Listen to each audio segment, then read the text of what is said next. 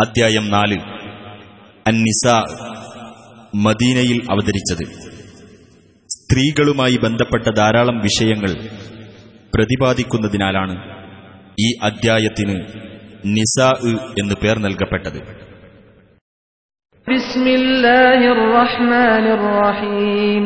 യാ അയ്യുഹൻ الناس اتقوا ربكم الذي خلقكم من نفس واحدة وخلق منها زوجها وخلق منها زوجها وبث منهما رجالا كثيرا ونساء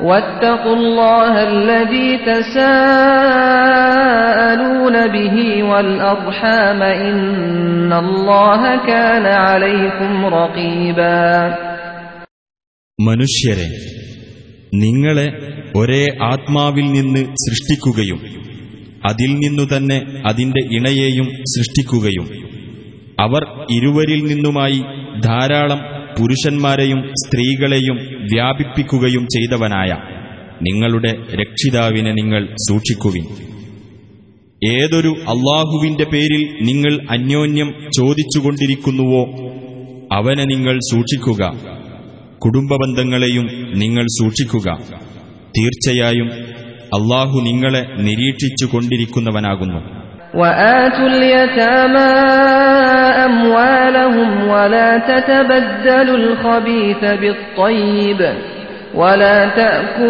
تأكلوا أموالهم إلى أموالكم إنه كان حوبا كبيرا അനാഥകൾക്ക് അവരുടെ സ്വത്തുക്കൾ നിങ്ങൾ വിട്ടുകൊടുക്കുക നല്ലതിനു പകരം ദുഷിച്ചത് നിങ്ങൾ മാറ്റിയെടുക്കരുത് നിങ്ങളുടെ ധനത്തോട് കൂട്ടിച്ചേർത്ത് അവരുടെ ധനം നിങ്ങൾ തിന്നുകളയുകയുമരുത് തീർച്ചയായും അത് ഒരു കൊടും പാതകമാകുന്നു وإن خفتم ألا تقسطوا في اليتامى فانكحوا ما طاب لكم من النساء مثنى وثلاث ورباع فإن خفتم ألا تعدلوا فواحدة أو ما ملكت أيمانكم ذلك أدنى ألا تعولوا അനാഥകളുടെ കാര്യത്തിൽ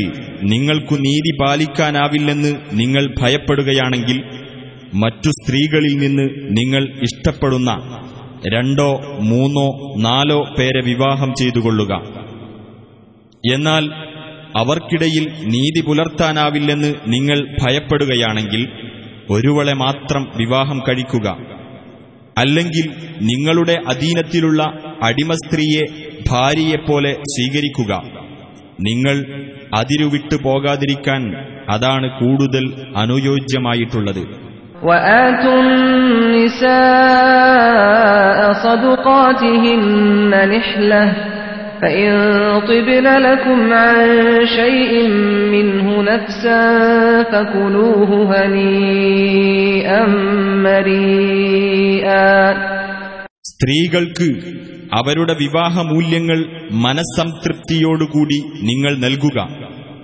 ഇനി അതിൽ നിന്ന് വല്ലതും സന്മനസ്സോടെ അവർ വിട്ടുതരുന്ന പക്ഷം നിങ്ങളത് സന്തോഷപൂർവം സുഖമായി ഭക്ഷിച്ചുകൊള്ളുക ولا تؤتوا السفهاء أموالكم التي جعل الله لكم قياما وارزقوهم فيها واكسوهم وارزقوهم فيها واكسوهم وقولوا لهم قولا معروفا അള്ളാഹു നിങ്ങളുടെ നിലനിൽപ്പിനുള്ള മാർഗമായി നിശ്ചയിച്ചു തന്നിട്ടുള്ള നിങ്ങളുടെ സ്വത്തുകൾ നിങ്ങൾ വിവേകമില്ലാത്തവർക്ക് കൈവിട്ടു കൊടുക്കരുത് എന്നാൽ അതിൽ നിന്നും നിങ്ങൾ അവർക്ക് ഉപജീവനവും വസ്ത്രവും നൽകുകയും അവരോട് മര്യാദയുള്ള വാക്ക് പറയുകയും ചെയ്യുക وابتلوا اليتامى حتى إذا بلغوا النكاح فإن آنستم منهم رشدا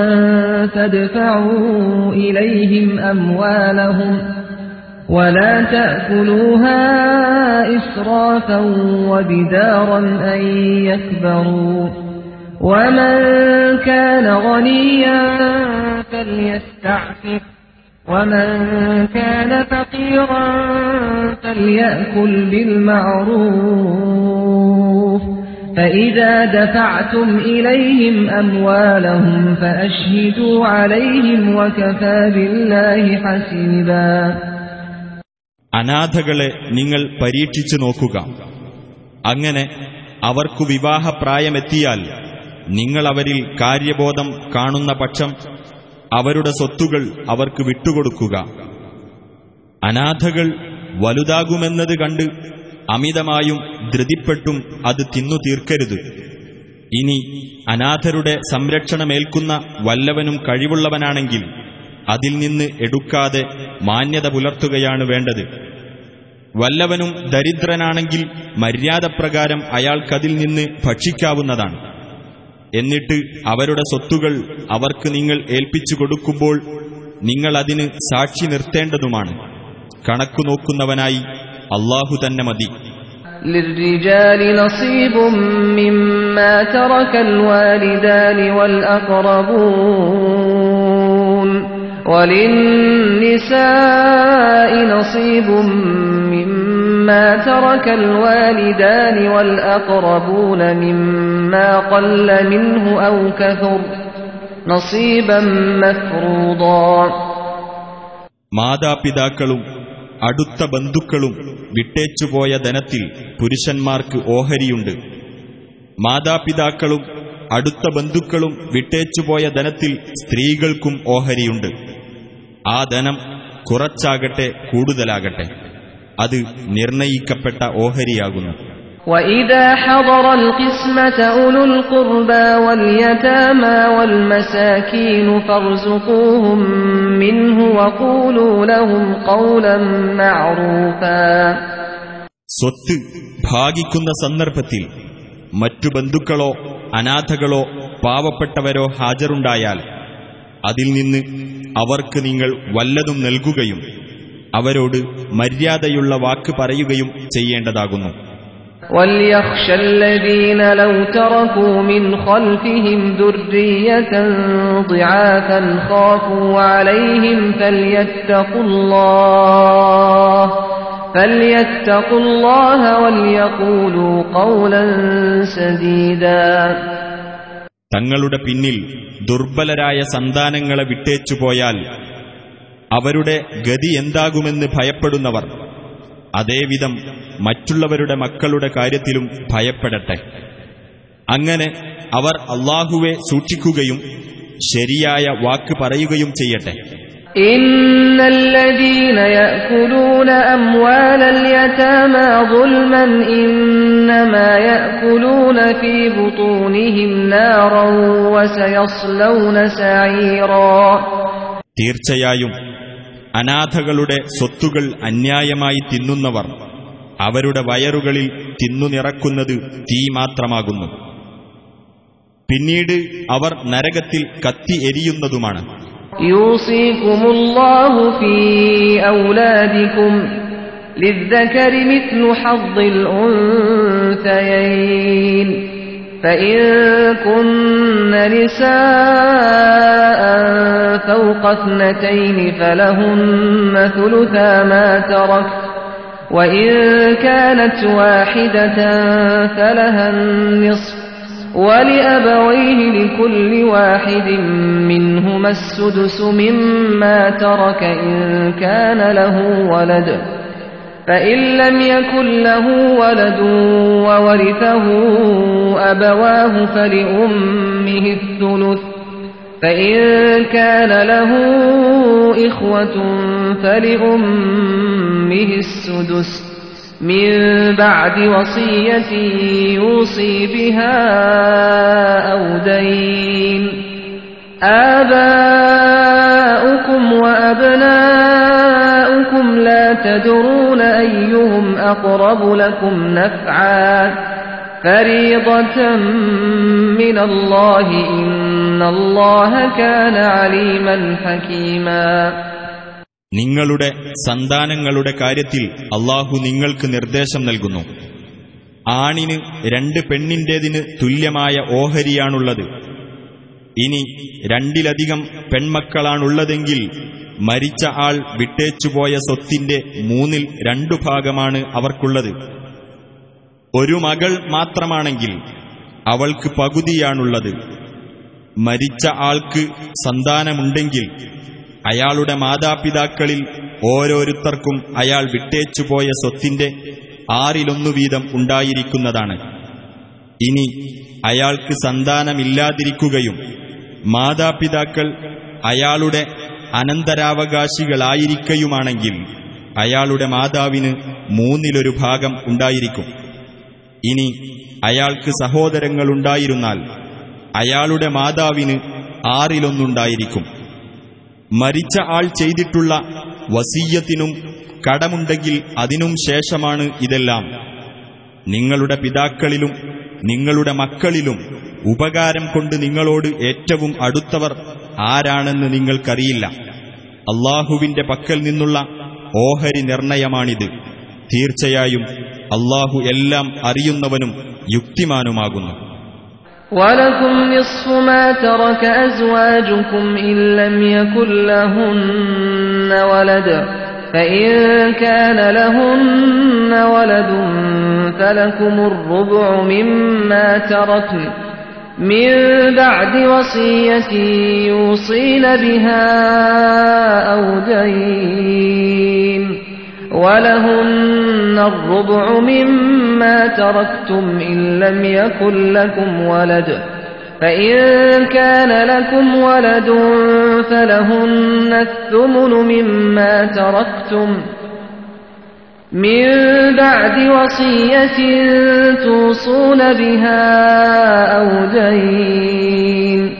وإن كان رجل يورث كلالة أو امرأة وله أخ أو أخت فلكل واحد منهما السدس فإن كانوا أكثر من ذلك فهم شركاء في الثلث من بعد وصية يوصى بها أو دين غير مضار وصية من الله والله عليم حليم നിങ്ങളുടെ ഭാര്യമാർക്ക് സന്താനമില്ലാത്ത പക്ഷം അവർ വിട്ടേച്ചുപോയ ധനത്തിന്റെ പകുതി നിങ്ങൾക്കാകുന്നു ഇനി അവർക്ക് സന്താനമുണ്ടായിരുന്നാൽ അവർ വിട്ടേച്ചു പോയതിന്റെ നാലിലൊന്ന് നിങ്ങൾക്കായിരിക്കും. അവർ ചെയ്യുന്ന വസീയത്തും കടമുണ്ടെങ്കിൽ അതും കഴിച്ചാണിത്. നിങ്ങൾക്ക് സന്താനമില്ലെങ്കിൽ നിങ്ങൾ വിട്ടേച്ചു പോയ ധനത്തിൽ നിന്ന് നാലിലൊന്നാണ് അവർക്ക് അഥവാ ഭാര്യമാർക്കുള്ളത്. ഇനി നിങ്ങൾക്ക് സന്താനമുണ്ടായിരുന്നാൽ നിങ്ങൾ വിട്ടേച്ചു പോയതിൽ നിന്ന് എട്ടിലൊന്നാണ് അവർക്കുള്ളത്. നിങ്ങൾ ചെയ്യുന്ന വസീയത്തും കടമുണ്ടെങ്കിൽ അതും കഴിച്ചാണിത്. അനന്തരമെടുക്കുന്ന പുരുഷനോ സ്ത്രീയോ പിതാവും മക്കളുമില്ലാത്ത ആളായിരിക്കുകയും അയാൾക്ക് മാതാവൊത്ത ഒരു സഹോദരനോ സഹോദരിയോ ഉണ്ടായിരിക്കുകയും ചെയ്താൽ ആ സഹോദര സഹോദരിമാരിൽ ഓരോരുത്തർക്കും ആറിൽ ഒരംശം ലഭിക്കുന്നതാണ്. ഇനി അവർ അതിലധികം പേരുണ്ടെങ്കിൽ അവർ മൂന്നിലൊന്നിൽ സമാവകാശികളായിരിക്കും. ദ്രോഹകരമല്ലാത്ത വസീയത്തോ കടമോ ഉണ്ടെങ്കിൽ അതൊഴിച്ചാണിത് അള്ളാഹുവിങ്കൽ നിന്നുള്ള നിർദ്ദേശമത്രേ ഇത് അള്ളാഹു സർവജ്ഞനും സഹനശീലനുമാകുന്നു تلك حدود الله ومن يطع الله ورسوله يدخله جنات تجري من تحتها الأنهار جنات تجري من تحتها الأنهار خالدين فيها وذلك الفوز العظيم അള്ളാഹുവിന്റെ നിയമപരിധികളാകുന്നു ഇവയൊക്കെ ഏതൊരാൾ അള്ളാഹുവിനെയും അവന്റെ ദൂതനെയും അനുസരിക്കുന്നുവോ അവനെ അള്ളാഹു താഴ്ഭാഗത്തുകൂടി അരുവികൾ ഒഴുകുന്ന സ്വർഗത്തോപ്പുകളിൽ പ്രവേശിപ്പിക്കുന്നതാണ് അവരതിൽ നിത്യവാസികളായിരിക്കും അതത്രേ മഹത്തായ വിജയം ومن يعص الله ورسوله ويتعد حدوده يدخله نارا نارا خالدا فيها وله عذاب مهين ആർ അള്ളാഹുവേയും അവന്റെ ദൂതനെയും ധിക്കരിക്കുകയും അവന്റെ നിയമപരിധികൾ ലംഘിക്കുകയും ചെയ്യുന്നുവോ അവനെ അള്ളാഹു നരകാഗ്നിയിൽ പ്രവേശിപ്പിക്കും അവനതിൽ നിത്യവാസിയായിരിക്കും അപമാനകരമായ ശിക്ഷയാണ് അവനുള്ളത് واللاتي يأتين الفاحشة من نسائكم فاستشهدوا عليهن أربعة منكم فإن شهدوا فأمسكوهن في البيوت حتى يتوفاهن الموت أو يجعل الله لهن سبيلا നിങ്ങളുടെ സ്ത്രീകളിൽ നിന്ന് നീചവൃത്തിയിൽ ഏർപ്പെടുന്നവരാരോ അവർക്കെതിരിൽ സാക്ഷികളായി നിങ്ങളിൽ നിന്ന് നാലുപേരെ നിങ്ങൾ കൊണ്ടുവരുവിൻ അങ്ങനെ അവർ സാക്ഷ്യം വഹിച്ചാൽ അവരെ നിങ്ങൾ വീടുകളിൽ തടഞ്ഞു വെച്ചുകൊണ്ടിരിക്കുക അവരെ മരണം ഏറ്റെടുക്കുകയോ അള്ളാഹു അവർക്കൊരു മാർഗം ഉണ്ടാക്കുകയോ ചെയ്യുന്നതുവരെ واللذان يأتيانها منكم فآذوهما فإن تابا وأصلحا فأعرضوا عنهما إن الله كان توابا رحيما നിങ്ങളുടെ കൂട്ടത്തിൽ നിന്ന് ആ നീചവൃത്തി ചെയ്യുന്ന രണ്ടുപേരെയും നിങ്ങൾ പീഡിപ്പിക്കുക. എന്നാൽ അവർ ഇരുവരും പശ്ചാത്തപിക്കുകയും നടപടി നന്നാക്കി തീർക്കുകയും ചെയ്യുന്ന പക്ഷം നിങ്ങൾ അവരെ വിട്ടേക്കുക. തീർച്ചയായും അള്ളാഹു പശ്ചാത്താപം ഏറെ സ്വീകരിക്കുന്നവനും കരുണാനിധിയുമാകുന്നു. إنما التوبة على الله للذين يعملون السوء بجهالة ثم يتوبون من قريب. ثم يتوبون من قريب فأولئك يتوب الله عليهم وكان الله عليما حكيما. പശ്ചാത്താപം സ്വീകരിക്കാൻ അള്ളാഹു ബാധ്യത ഏറ്റിട്ടുള്ളത് അറിവുകേട് നിമിത്തം തിന്മ ചെയ്യുകയും എന്നിട്ട് താമസിയാതെ പശ്ചാത്തപിക്കുകയും ചെയ്യുന്നവർക്ക് മാത്രമാകുന്നു അങ്ങനെയുള്ളവരുടെ പശ്ചാത്താപം അള്ളാഹു സ്വീകരിക്കുന്നതാണ് അള്ളാഹു എല്ലാം അറിയുന്നവനും യുക്തിമാനുമാകുന്നു وليست التوبة للذين يعملون السيئات حتى إذا حضر أحدهم الموت قال إني تبت الآن قال إني تبت الآن ولا الذين يموتون وهم كفار أولئك أعتدنا لهم عذابا أليما പശ്ചാത്താപം എന്നത് തെറ്റുകൾ ചെയ്തുകൊണ്ടിരിക്കുകയും എന്നിട്ട് മരണം ആസന്നമാകുമ്പോൾ ഞാനിതാ പശ്ചാത്തപിച്ചിരിക്കുന്നു എന്ന് പറയുകയും ചെയ്യുന്നവർക്കുള്ളതല്ല. സത്യനിഷേധികളായിക്കൊണ്ട് മരണമടയുന്നവർക്കുമുള്ളതല്ല. അങ്ങനെയുള്ളവർക്ക് വേദനയേറിയ ശിക്ഷയാണ് നാം ഒരുക്കിവച്ചിട്ടുള്ളത്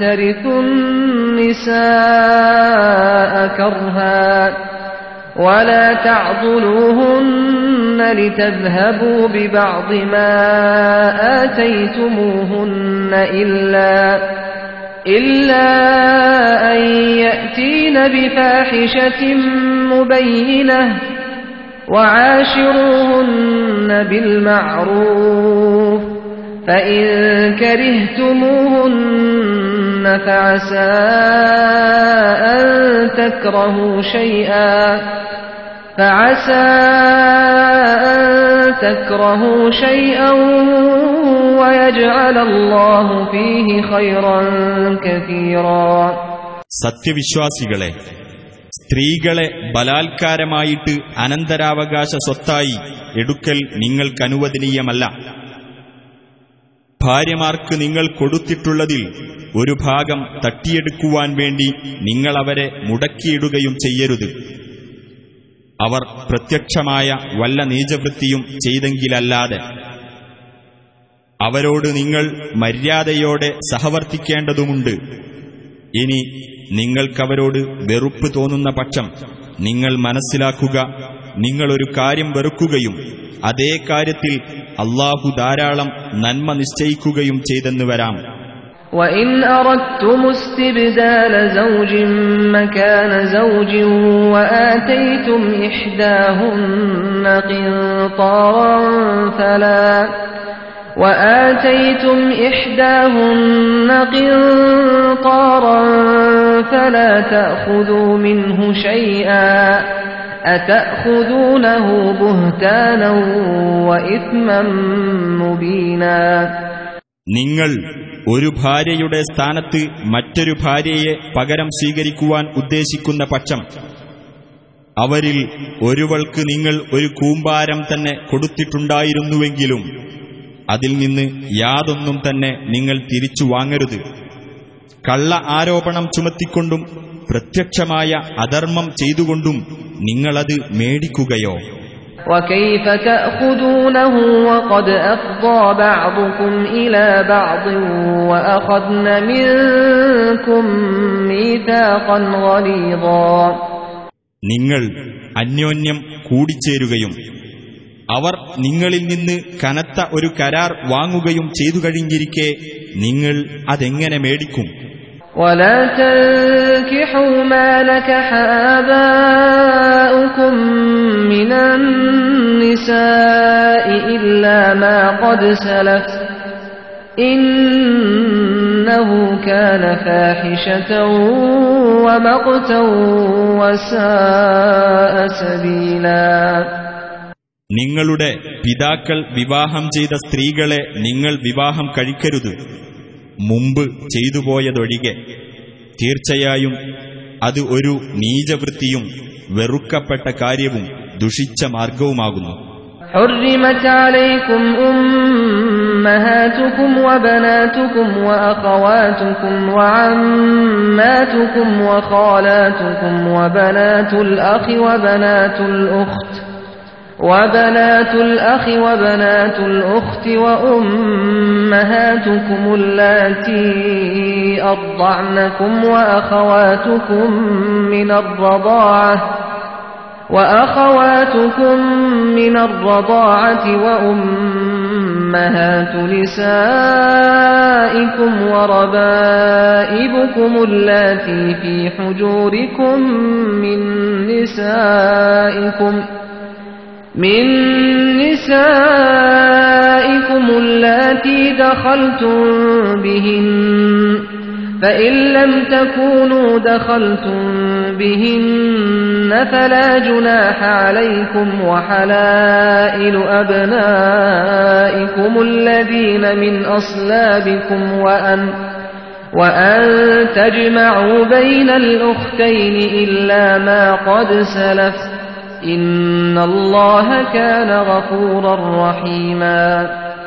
നിങ്ങളുടെ മാതാക്കൾ പുത്രിമാർ സഹോദരിമാർ പിതൃസഹോദരിമാർ മാതൃസഹോദരിമാർ സഹോദരി പുത്രിമാർ നിങ്ങളെ മുലകുടിപ്പിച്ച പോറ്റമ്മമാർ മുലകുടി മുഖേനയുള്ള നിങ്ങളുടെ സഹോദരിമാർ നിങ്ങളുടെ ഭാര്യ മാതാക്കൾ എന്നിവരെ വിവാഹം ചെയ്യൽ നിങ്ങൾക്ക് നിഷിദ്ധമാക്കപ്പെട്ടിരിക്കുന്നു. നിങ്ങൾ ലൈംഗിക വേഴ്ചയിൽ ഏർപ്പെട്ടിട്ടുള്ള നിങ്ങളുടെ ഭാര്യമാരുടെ സന്താനങ്ങളായി നിങ്ങളുടെ സംരക്ഷണത്തിലുള്ള വളർത്തുപുത്രിമാരെ വിവാഹം ചെയ്യുന്നതും നിഷിദ്ധമാക്കപ്പെട്ടിരിക്കുന്നു. ഇനി നിങ്ങൾ അവരുമായി ലൈംഗിക വേഴ്ചയിൽ ഏർപ്പെട്ടിട്ടില്ലെങ്കിൽ അവരുടെ മക്കളെ വേൾക്കുന്നതിൽ നിങ്ങൾക്ക് കുറ്റമില്ല. നിങ്ങളുടെ മുതുകിൽ നിന്ന് പിറന്ന പുത്രന്മാരുടെ ഭാര്യമാരും നിങ്ങൾക്ക് നിഷിദ്ധമാക്കപ്പെട്ടിരിക്കുന്നു. രണ്ടു സഹോദരിമാരെ ഒന്നിച്ച് ഭാര്യമാരാക്കുന്നതും നിഷിദ്ധമാകുന്നു മുമ്പ് ചെയ്തുപോയതൊഴികെ തീർച്ചയായും അള്ളാഹു ഏറെ പൊറുക്കുന്നവനും കരുണാനിധിയുമാകുന്നു والمحصنات من النساء إلا ما ملكت أيمانكم كتاب الله عليكم وأحل لكم ما وراء ذلكم أن تبتغوا بأموالكم محصنين غير مسافحين فما استمتعتم به منهن فآتوهن أجورهن فريضة ولا جناح عليكم فيما تراضيتم به من بعد الفريضة إن الله كان عليما حكيما മറ്റുള്ളവരുടെ വിവാഹബന്ധത്തിലിരിക്കുന്ന സ്ത്രീകളും നിങ്ങൾക്ക് നിഷിദ്ധമാക്കപ്പെട്ടിരിക്കുന്നു നിങ്ങളുടെ കൈകൾ ഉടമപ്പെടുത്തിയ അടിമസ്ത്രീകളൊഴികെ നിങ്ങളുടെ മേൽ അള്ളാഹുവിന്റെ നിയമമത്രേ ഇത് അതിനപ്പുറമുള്ള സ്ത്രീകളുമായി നിങ്ങളുടെ ധനം മഹിറായി നൽകിക്കൊണ്ട് നിങ്ങൾ വിവാഹബന്ധം തേടുന്നത് നിങ്ങൾക്ക് അനുവദിക്കപ്പെട്ടിരിക്കുന്നു. നിങ്ങൾ വൈവാഹിക ജീവിതം ലക്ഷ്യമാക്കുന്നവരായിരിക്കണം. നീചവൃത്തി ആഗ്രഹിക്കുന്നവരാകരുത്. അങ്ങനെ അവരിൽ നിന്ന് നിങ്ങൾ വല്ല സുഖവും അനുഭവിച്ചാൽ അവർക്കുള്ള വിവാഹമൂല്യം ഒരു ബാധ്യത എന്ന നിലയിൽ നിങ്ങൾ നൽകേണ്ടതാണ്. ബാധ്യത അഥവാ വിവാഹമൂല്യം നിശ്ചയിച്ചതിനു ശേഷം നിങ്ങൾ അന്യോന്യം തൃപ്തിപ്പെട്ട് വല്ല വിട്ടുവീഴ്ചയും ചെയ്യുന്നതിൽ നിങ്ങൾക്ക് കുറ്റമൊന്നുമില്ല തീർച്ചയായും അള്ളാഹു എല്ലാം അറിയുന്നവനും യുക്തിവാനുമാകുന്നു ومن لم يستطع منكم طولا أن ينكح المحصنات المؤمنات فمما ملكت أيمانكم من فتياتكم المؤمنات. والله أعلم بإيمانكم بعضكم من بعض. فانكحوهن بإذن أهلهن وآتوهن أجورهن بالمعروف. بالمعروف محصنات غير مسافحات ولا متخذات أخدان فإذا أحصن فإن أتين بفاحشة فعليهن نصف ما على المحصنات من العذاب. ذلك لمن خشي العنة منكم. وأن تصبروا خير لكم والله غفور رحيم നിങ്ങളിൽ ആർക്കെങ്കിലും സത്യവിശ്വാസിനികളായ സ്വതന്ത്ര സ്ത്രീകളെ വിവാഹം കഴിക്കാൻ സാമ്പത്തിക ശേഷിയില്ലെങ്കിൽ നിങ്ങളുടെ കൈകൾ ഉടമപ്പെടുത്തിയ സത്യവിശ്വാസിനികളായ ദാസിമാരിൽ ആരെയെങ്കിലും ഭാര്യമാരായി സ്വീകരിക്കാവുന്നതാണ് അള്ളാഹുവാകുന്നു നിങ്ങളുടെ വിശ്വാസത്തെപ്പറ്റി നന്നായി അറിയുന്നവൻ. നിങ്ങളിൽ ചിലർ ചിലരിൽ നിന്നുണ്ടായവരാണല്ലോ. അങ്ങനെ ആ ദാസിമാരെ അവരുടെ രക്ഷാകർത്താക്കളുടെ അനുമതിപ്രകാരം നിങ്ങൾ വിവാഹം കഴിച്ചുകൊള്ളുക. അവരുടെ വിവാഹമൂല്യം മര്യാദപ്രകാരം അവർക്ക് നിങ്ങൾ നൽകുകയും ചെയ്യുക. മ്ലേച്ഛവൃത്തിയിൽ ഏർപ്പെടാത്തവരും രഹസ്യവേഴ്ചക്കാരെ സ്വീകരിക്കാത്തവരുമായ പതിവ്രതകളായിരിക്കണം അവർ. അങ്ങനെ അവർ വൈവാഹിക ജീവിതത്തിന്റെ സംരക്ഷണത്തിലായി കഴിഞ്ഞിട്ട് അവർ മ്ലേച്ഛവൃത്തിയിൽ ഏർപ്പെടുന്ന പക്ഷം സ്വതന്ത്ര സ്ത്രീകൾക്കുള്ളതിന്റെ പകുതി ശിക്ഷ അവർക്കുണ്ടായിരിക്കും. നിങ്ങളുടെ കൂട്ടത്തിൽ വിവാഹം കഴിച്ചില്ലെങ്കിൽ വിഷമിക്കുമെന്ന് ഭയപ്പെടുന്നവർക്കാകുന്നു. അടിമ സ്ത്രീകളെ ഭാര്യമാരായി സ്വീകരിക്കാനുള്ള അനുവാദം എന്നാൽ നിങ്ങൾ ക്ഷമിച്ചിരിക്കുന്നതാകുന്നു നിങ്ങൾക്ക് കൂടുതൽ ഉത്തമം അള്ളാഹു ഏറെ പൊറുക്കുന്നവനും കരുണാനിധിയുമാകുന്നു يريد الله ليبين لكم ويهديكم سنن الذين من قبلكم ويتوب عليكم والله عليم حكيم നിങ്ങൾക്ക് കാര്യങ്ങൾ വിവരിച്ചു തരുവാനും നിങ്ങളുടെ മുൻഗാമികളുടെ നല്ല നടപടികൾ നിങ്ങൾക്ക് കാട്ടിത്തരുവാനും നിങ്ങളുടെ പശ്ചാത്താപം സ്വീകരിക്കുവാനും അള്ളാഹു ഉദ്ദേശിക്കുന്നു. അള്ളാഹു എല്ലാം അറിയുന്നവനും യുക്തിമാനുമാകുന്നു. والله يريد أن يتوب عليكم ويريد الذين يتبعون الشهوات أن تميلوا ميلا عظيما അള്ളാഹു നിങ്ങളുടെ പശ്ചാത്താപം സ്വീകരിക്കാൻ ഉദ്ദേശിക്കുന്നു എന്നാൽ തന്നിഷ്ടങ്ങളെ പിൻപറ്റി ജീവിക്കുന്നവർ ഉദ്ദേശിക്കുന്നത് നിങ്ങൾ നേർവഴിയിൽ നിന്ന് വൻതോതിൽ തെറ്റിപ്പോകണമെന്നാണ് يريد الله أن يخفف عنكم وخلق الإنسان ضعيفا നിങ്ങൾക്ക് ഭാരം കുറച്ചു തരണമെന്ന് അള്ളാഹു ഉദ്ദേശിക്കുന്നു ദുർബലനായിക്കൊണ്ടാണ് മനുഷ്യൻ സൃഷ്ടിക്കപ്പെട്ടിരിക്കുന്നത് يا أيها الذين آمنوا لا تأكلوا أموالكم بينكم بالباطل إلا أن تكون تجارة عن تراض منكم ولا تقتلوا أنفسكم إن الله كان بكم رحيما സത്യവിശ്വാസികളെ നിങ്ങൾ പരസ്പരം സംതൃപ്തിയോടുകൂടി നടത്തുന്ന കച്ചവട ഇടപാടു മുഖേനയല്ലാതെ നിങ്ങളുടെ സ്വത്തുക്കൾ അന്യായമായി നിങ്ങൾ അന്യോന്യം എടുത്തു തിന്നരുത്. നിങ്ങൾ നിങ്ങളെ തന്നെ കൊലപ്പെടുത്തുകയും ചെയ്യരുത്. തീർച്ചയായും അള്ളാഹു നിങ്ങളോട് കരുണയുള്ളവനാകുന്നു. ഒമയ്യ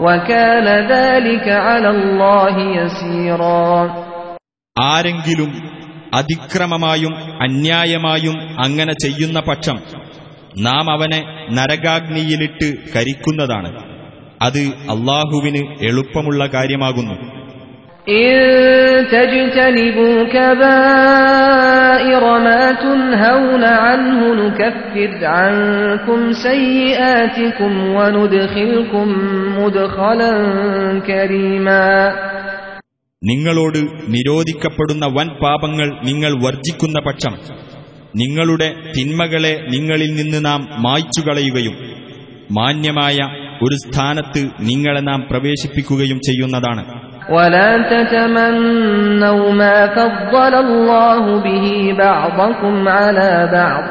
للرجال نصيب مما اكتسبوا وللنساء نصيب مما اكتسبن. واسألوا الله من فضله. إن الله كان بكل شيء عليما. നിങ്ങളിൽ ചിലർക്ക് ചിലരെക്കാൾ കൂടുതലായി അള്ളാഹു നൽകിയ അനുഗ്രഹങ്ങളോട് നിങ്ങൾക്ക് മോഹം തോന്നരുത്. പുരുഷന്മാർ സമ്പാദിച്ചുണ്ടാക്കിയതിന്റെ ഓഹരി അവർക്കുണ്ട്. സ്ത്രീകൾ സമ്പാദിച്ചുണ്ടാക്കിയതിന്റെ ഓഹരി അവർക്കുമുണ്ട്. അള്ളാഹുവോട് അവന്റെ ഔദാര്യത്തിൽ നിന്ന് നിങ്ങൾ ആവശ്യപ്പെട്ടുകൊള്ളുക. തീർച്ചയായും അള്ളാഹു ഏത് കാര്യത്തെപ്പറ്റിയും അറിവുള്ളവനാകുന്നു. ولكل جعلنا موالي مما ترك الوالدان والأقربون والذين عقدت أيمانكم فآتوهم نصيبهم إن الله كان على كل شيء شهيدا ഏതൊരാൾക്കും തന്റെ മാതാപിതാക്കളും അടുത്ത ബന്ധുക്കളും വിട്ടേച്ചു പോയ സ്വത്തിന് നാം അവകാശികളെ നിശ്ചയിച്ചിട്ടുണ്ട്. നിങ്ങളുടെ വലം കൈകൾ ബന്ധം സ്ഥാപിച്ചിട്ടുള്ളവർക്കും അവരുടെ ഓഹരി നിങ്ങൾ കൊടുക്കുക. തീർച്ചയായും അള്ളാഹു എല്ലാ കാര്യങ്ങൾക്കും സാക്ഷിയാകുന്നു.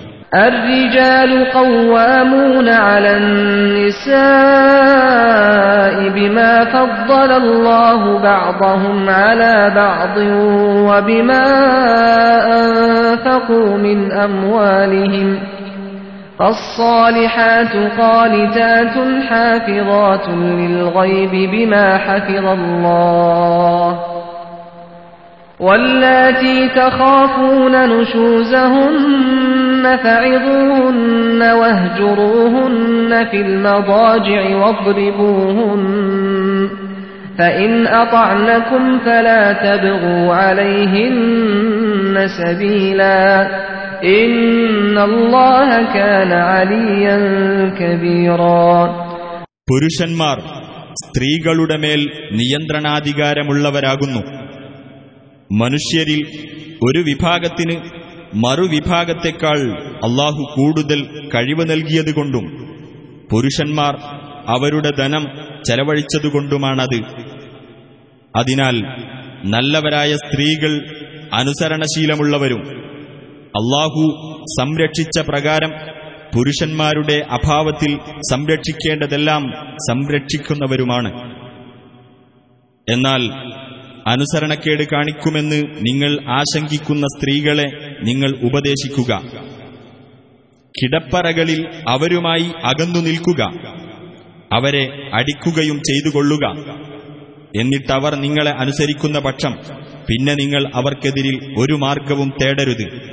തീർച്ചയായും അള്ളാഹു ഉന്നതനും മഹാനുമാകുന്നു. وإن خفتم شقاق بينهما فابعثوا حكما من أهله وحكما من أهلها إن يريدا إصلاحا يوفق الله بينهما إن الله كان عليما خبيرا ഇനി ദമ്പതിമാർ തമ്മിൽ ഭിന്നിച്ചു പോകുമെന്ന് നിങ്ങൾ ഭയപ്പെടുന്ന പക്ഷം അവന്റെ ആൾക്കാരിൽ നിന്ന് ഒരു മധ്യസ്ഥനെയും അവളുടെ ആൾക്കാരിൽ നിന്ന് ഒരു മധ്യസ്ഥനെയും നിങ്ങൾ നിയോഗിക്കുക ഇരുവിഭാഗവും അനുരഞ്ജനമാണ് ഉദ്ദേശിക്കുന്നതെങ്കിൽ അള്ളാഹു അവർക്കിടയിൽ യോജിപ്പുണ്ടാക്കുന്നതാണ് തീർച്ചയായും അള്ളാഹു സർവജ്ഞനും സൂക്ഷ്മജ്ഞനുമാകുന്നു واعبدوا الله ولا تشركوا به شيئا وبالوالدين إحسانا وبذي القربى واليتامى والمساكين والجار ذي القربى والجار الجنب والصاحب بالجنب والصاحب بالجنب وابن السبيل وما ملكت أيمانكم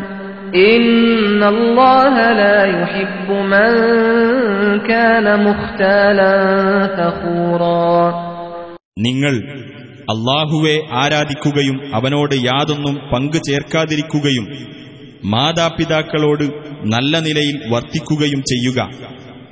ബന്ധുക്കളോടും അനാഥകളോടും പാവങ്ങളോടും കുടുംബബന്ധമുള്ള അയൽക്കാരോടും അന്യരായ അയൽക്കാരോടും സഹവാസിയോടും വഴിപോക്കനോടും നിങ്ങളുടെ വലതുകൈകൾ ഉടമപ്പെടുത്തിയ അടിമകളോടും നല്ല നിലയിൽ വർത്തിക്കുക പൊങ്ങച്ചക്കാരനും ദുരഭിമാനിയുമായിട്ടുള്ള ആരെയും അള്ളാഹു ഒരിക്കലും ഇഷ്ടപ്പെടുകയില്ല الذين يبخلون ويأمرون الناس بالبخل ويكتمون ما آتاهم الله من فضله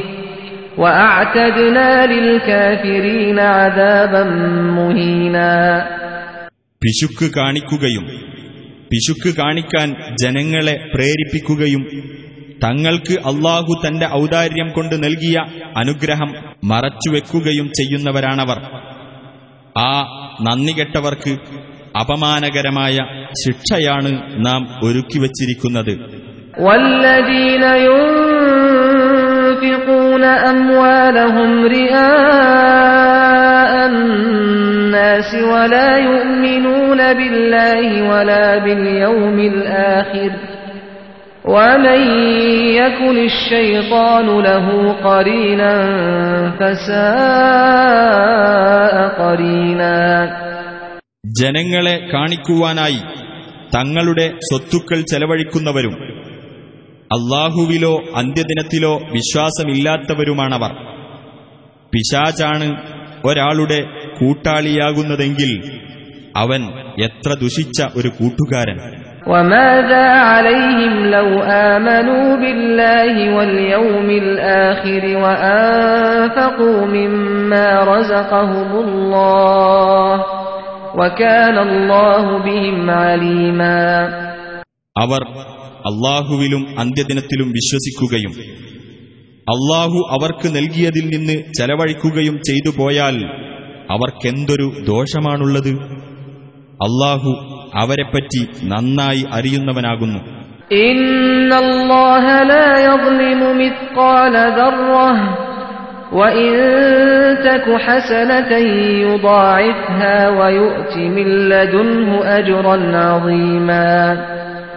തീർച്ചയായും അള്ളാഹു ഒരു അണുവോളം അനീതി കാണിക്കുകയില്ല. വല്ല നന്മയുമാണുള്ളതെങ്കിൽ അതവൻ ഇരട്ടിച്ചു കൊടുക്കുകയും അവന്റെ പക്കൽ നിന്നുള്ള വമ്പിച്ച പ്രതിഫലം നൽകുകയും ചെയ്യുന്നതാണ്. فكيف إذا جئنا من كل أمة بشهيد وجئنا بك على هؤلاء شهيدا എന്നാൽ ഓരോ സമുദായത്തിൽ നിന്നും ഓരോ സാക്ഷിയെ നാം കൊണ്ടുവരികയും ഇക്കൂട്ടർക്കെതിരിൽ നിന്നെ നാം സാക്ഷിയായി കൊണ്ടുവരികയും ചെയ്യുമ്പോൾ എന്തായിരിക്കും അവസ്ഥ يومئذ يود الذين كفروا وعصوا الرسول لو تسوى بهم الأرض ولا يكتمون الله حديثا അവിശ്വസിക്കുകയും റസൂലിനെ ധിക്കരിക്കുകയും ചെയ്തവർ ആ ദിവസം കൊതിച്ചു പോകും അവരെ മൂടിക്കൊണ്ട് ഭൂമി നിരപ്പാക്കപ്പെട്ടിരുന്നുവെങ്കിൽ എത്ര നന്നായിരുന്നുവെന്ന് ഒരു വിവരവും അള്ളാഹുവിൽ നിന്ന് അവർക്ക് ഒളിച്ചുവെക്കാനാവില്ല يا أيها الذين آمنوا لا تقربوا الصلاة وأنتم سكارى حتى تعلموا ما تقولون حتى تعلموا ما تقولون ولا جنبا إلا عابري سبيل حتى تغتسلوا وإن كنتم مرضى أو على سفر أو جاء أحد منكم من الغائط أو جاء أحد منكم من الغائط أو لامستم النساء فلم تجدوا ماءً فلم تجدوا ماء فتيمموا صعيدا طيبا فامسحوا بوجوهكم وأيديكم إن الله كان عفوا غفورا സത്യവിശ്വാസികളെ ലഹരി ബാധിച്ചവരായിക്കൊണ്ട് നിങ്ങൾ നമസ്കാരത്തെ സമീപിക്കരുത് നിങ്ങൾ പറയുന്നതെന്തെന്ന് നിങ്ങൾക്ക് ബോധമുണ്ടാകുന്നതുവരെ ജനാപത്തുകാരായിരിക്കുമ്പോൾ നിങ്ങൾ കുളിക്കുന്നതുവരെയും നമസ്കാരത്തെ സമീപിക്കരുത്. നിങ്ങൾ വഴികടന്നു പോകുന്നവരായിക്കൊണ്ടല്ലാതെ നിങ്ങൾ രോഗികളായിരിക്കുകയോ യാത്രയിലാവുകയോ ചെയ്താൽ അല്ലെങ്കിൽ നിങ്ങളിലൊരാൾ മലമൂത്ര വിസർജനം കഴിഞ്ഞു വരികയോ സ്ത്രീകളുമായി സമ്പർക്കം നടത്തുകയോ ചെയ്തുവെങ്കിൽ എന്നിട്ട് നിങ്ങൾക്ക് വെള്ളം കിട്ടിയതുമില്ലെങ്കിൽ നിങ്ങൾ ശുദ്ധിയുള്ള ഭൂമുഖം തേടിക്കൊള്ളുക. എന്നിട്ടതുകൊണ്ട് നിങ്ങളുടെ മുഖങ്ങളും കൈകളും തടവുക. തീർച്ചയായും അള്ളാഹു ഏറെ മാപ്പു നൽകുന്നവനും പൊറുക്കുന്നവനുമാകുന്നു.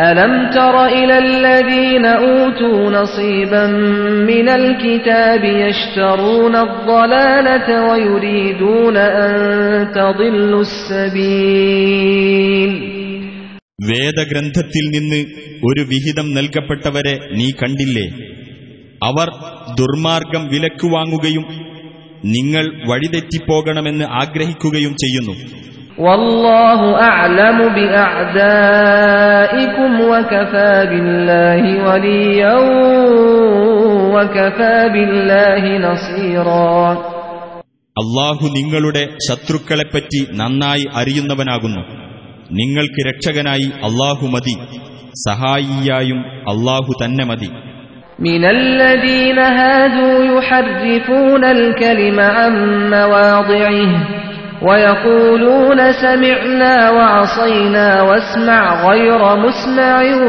وراعنا ليا بألسنتهم وطعنا في الدين. ولو أنهم قالوا سمعنا وأطعنا واسمع وانظرنا لكان خيرا لهم وأقوم. ولكن لعنهم الله بكفرهم فلا يؤمنون إلا قليلا യഹൂദരിൽപ്പെട്ടവരത്രേ ആ ശത്രുക്കൾ വാക്കുകളെ അവർ സ്ഥാനം തെറ്റിച്ച് പ്രയോഗിക്കുന്നു തങ്ങളുടെ നാവുകൾ വളച്ചൊടിച്ചുകൊണ്ടും മതത്തെ കുത്തിപ്പറഞ്ഞുകൊണ്ടും സെമ്യന വ അസ്വൈന എന്നും ഇസ്മ ഗൈറ മുസ്മ എന്നും റായിന എന്നും അവർ പറയുന്നു. സെമ്യന വ അത്വന അഥവാ ഞങ്ങൾ കേൾക്കുകയും അനുസരിക്കുകയും ചെയ്തിരിക്കുന്നു എന്നും ഇസ്മാ അഥവാ കേൾക്കണേ എന്നും ഉൻദൂർണ അഥവാ ഞങ്ങളെ ഗൗനിക്കണേ എന്നും അവർ പറഞ്ഞിരുന്നെങ്കിൽ അതവർക്ക് കൂടുതൽ ഉത്തമവും വക്രതയില്ലാത്തതും ആകുമായിരുന്നു. പക്ഷേ അള്ളാഹു അവരുടെ നിഷേധം കാരണമായി അവരെ ശപിച്ചിരിക്കുന്നു.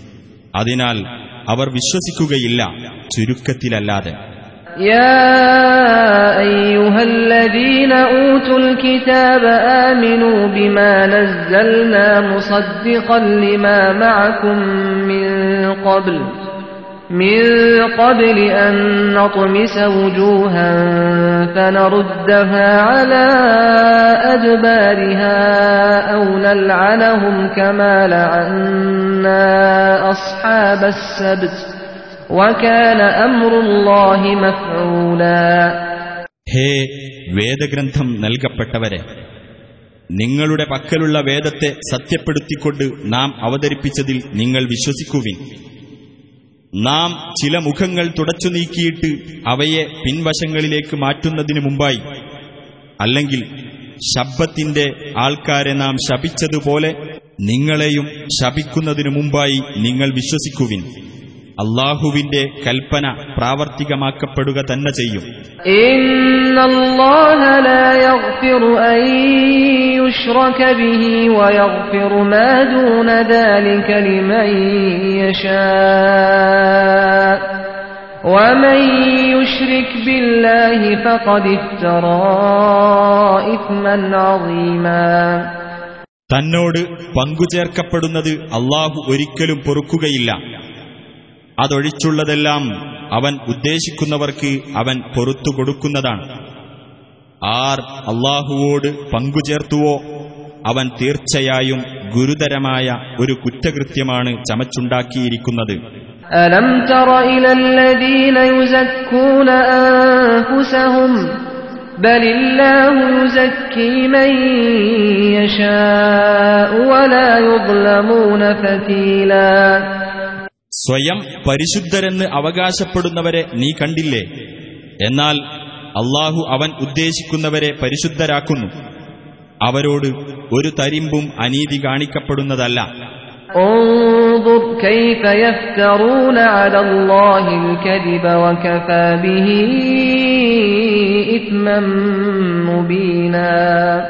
എങ്ങനെയാണ് അവർ അള്ളാഹുവിന്റെ പേരിൽ കള്ളം കെട്ടിച്ചമക്കുന്നത് എന്ന് നോക്കൂ.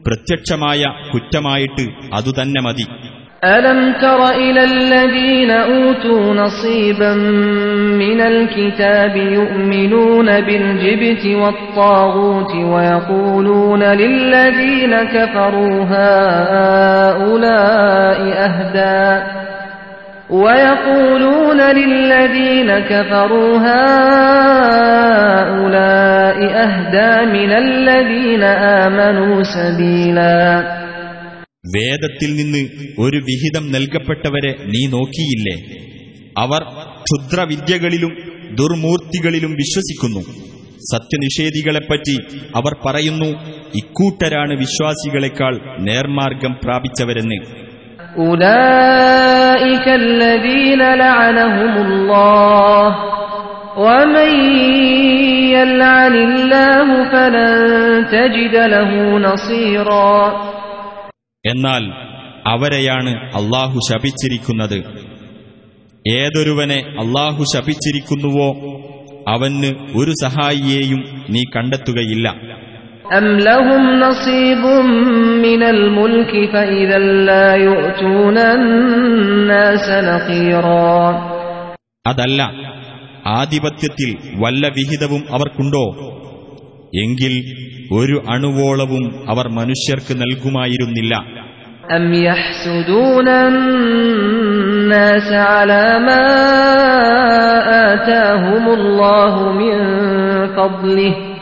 فقد آتينا آل إبراهيم الكتاب والحكمة وآتيناهم ملكا عظيما അതല്ല അള്ളാഹു അവന്റെ ഔദാര്യത്തിൽ നിന്ന് മറ്റു മനുഷ്യർക്ക് നൽകിയിട്ടുള്ളതിന്റെ പേരിൽ അവർ അസൂയപ്പെടുകയാണോ എന്നാൽ ഇബ്രാഹിം കുടുംബത്തിന് നാം വേദവും ജ്ഞാനവും നൽകിയിട്ടുണ്ട് അവർക്ക് നാം മഹത്തായ ആധിപത്യവും നൽകിയിട്ടുണ്ട് فمنهم من آمن به ومنهم من صد عنه وكفى بجهنم سعيرا അതിൽ വിശ്വസിച്ച ഒരു വിഭാഗം അവരുടെ കൂട്ടത്തിലുണ്ട് അതിൽ നിന്ന് പിന്തിരിഞ്ഞ വിഭാഗവും അവരിലുണ്ട് അവർക്ക് കത്തിജ്വലിക്കുന്ന നരകാഗ്നി തന്നെ മതി إن الذين كفروا بآياتنا سوف نصليهم نارا سوف نصليهم نارا كلما نضجت جلودهم بدلناهم جلودا غيرها ليذوقوا العذاب إن الله كان عزيزا حكيما തീർച്ചയായും നമ്മുടെ തെളിവുകൾ നിഷേധിച്ചവരെ നാം നരകത്തിലിട്ട് കരിക്കുന്നതാണ് അവരുടെ തൊലികൾ വെന്തുപോകുമ്പോഴെല്ലാം അവർക്ക് നാം വേറെ തൊലികൾ മാറ്റിക്കൊടുക്കുന്നതാണ് അവർ ശിക്ഷ ആസ്വദിച്ചുകൊണ്ടിരിക്കാൻ വേണ്ടിയാണത് തീർച്ചയായും അള്ളാഹു പ്രതാപവാനും യുക്തിമാനുമാകുന്നു والذين آمنوا وعملوا الصالحات سندخلهم جنات سندخلهم جنات تجري من تحتها الأنهار خالدين فيها أبدا لهم فيها أزواج مطهرة وندخلهم ظلا ظليلا വിശ്വസിക്കുകയും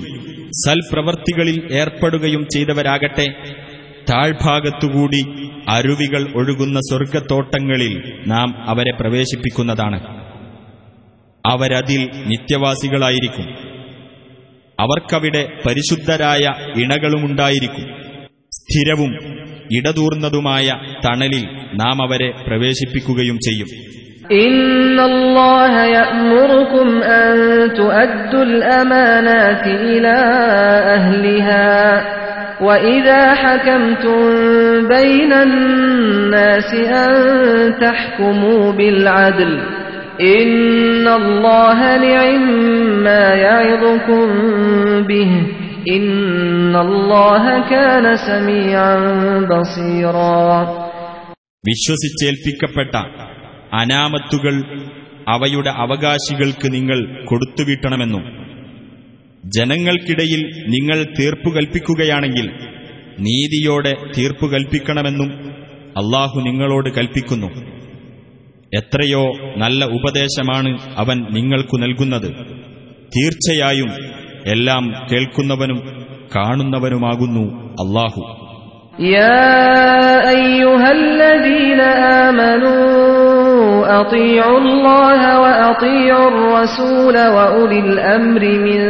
أيها الذين آمنوا أطيعوا الله وأطيعوا الرسول وأولي الأمر منكم فإن تنازعتم في شيء فردوه إلى الله والرسول إن كنتم تؤمنون بالله واليوم الآخر ذلك خير وأحسن تأويلا സത്യവിശ്വാസികളെ നിങ്ങൾ അള്ളാഹുവെ അനുസരിക്കുക അള്ളാഹുവിന്റെ ദൂതനെയും നിങ്ങളിൽ നിന്നുള്ള കൈകാര്യകർത്താക്കളെയും അനുസരിക്കുക. ഇനി വല്ല കാര്യത്തിലും നിങ്ങൾക്കിടയിൽ ഭിന്നിപ്പുണ്ടാകുകയാണെങ്കിൽ നിങ്ങളത് അള്ളാഹുവിലേക്കും റസൂലിലേക്കും മടക്കുക. നിങ്ങൾ അള്ളാഹുവിലും അന്ത്യദിനത്തിലും വിശ്വസിക്കുന്നുവെങ്കിൽ അതാണ് വേണ്ടത്.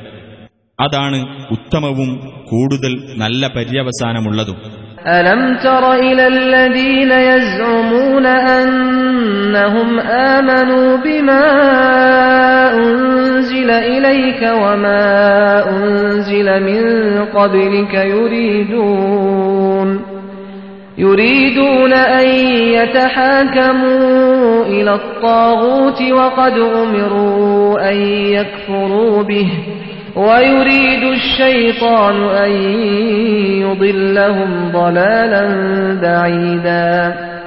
നിനക്ക് അവതരിപ്പിക്കപ്പെട്ടതിലും നിനക്ക് മുമ്പ് അവതരിപ്പിക്കപ്പെട്ടതിലും തങ്ങൾ വിശ്വസിച്ചിരിക്കുന്നു എന്ന് ജൽപ്പിക്കുന്ന ഒരു കൂട്ടരെ നീ കണ്ടില്ലേ?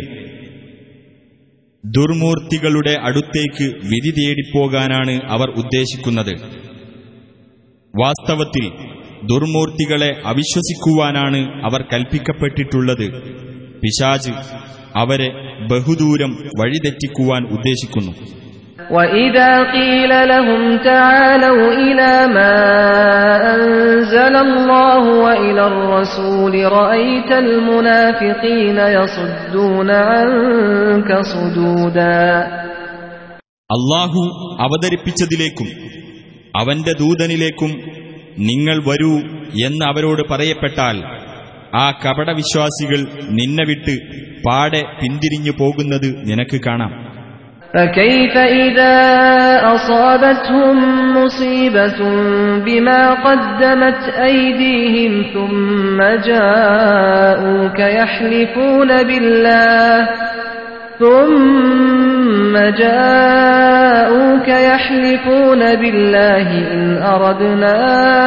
إلا إحسانا وتوفيقا എന്നാൽ സ്വന്തം കൈകൾ ചെയ്തു വെച്ചതിന്റെ ഫലമായി അവർക്ക് വല്ല ആപത്തും ബാധിക്കുകയും അനന്തരം അവർ നിന്റെ അടുത്തു വന്ന് അള്ളാഹുവിന്റെ പേരിൽ സത്യം ചെയ്തുകൊണ്ട് ഞങ്ങൾ നന്മയും അനുരഞ്ജനവുമല്ലാതെ മറ്റൊന്നും ഉദ്ദേശിച്ചിരുന്നില്ല എന്ന് പറയുകയും ചെയ്യുമ്പോഴുള്ള സ്ഥിതി എങ്ങനെയായിരിക്കും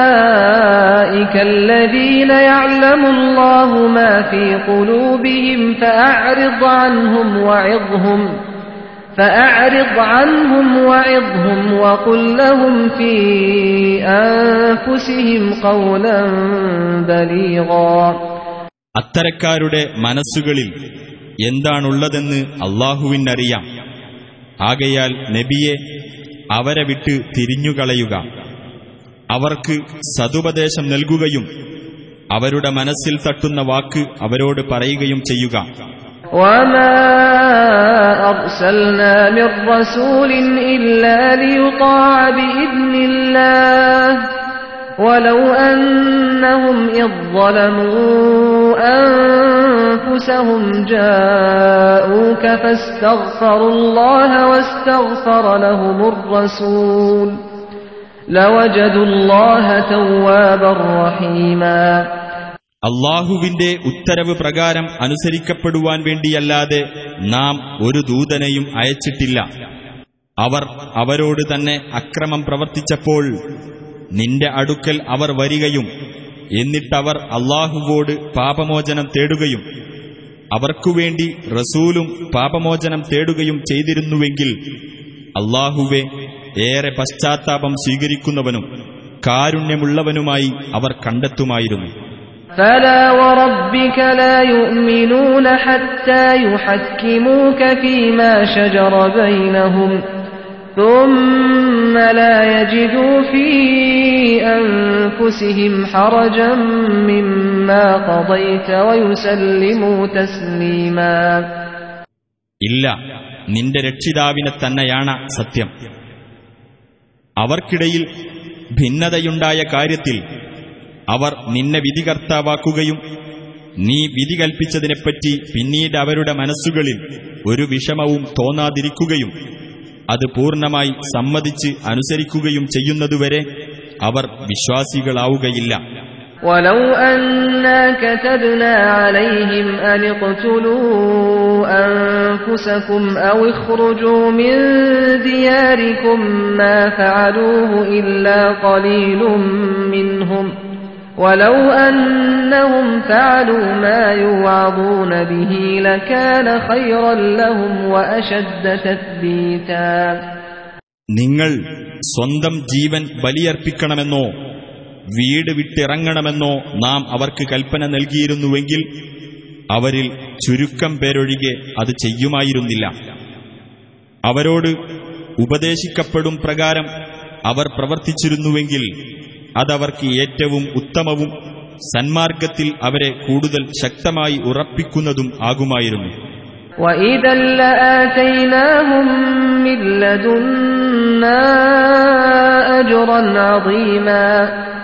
എന്നാൽ അവർക്ക് നമ്മുടെ പക്കൽ നിന്നുള്ള മഹത്തായ പ്രതിഫലം നാം നൽകുകയും ും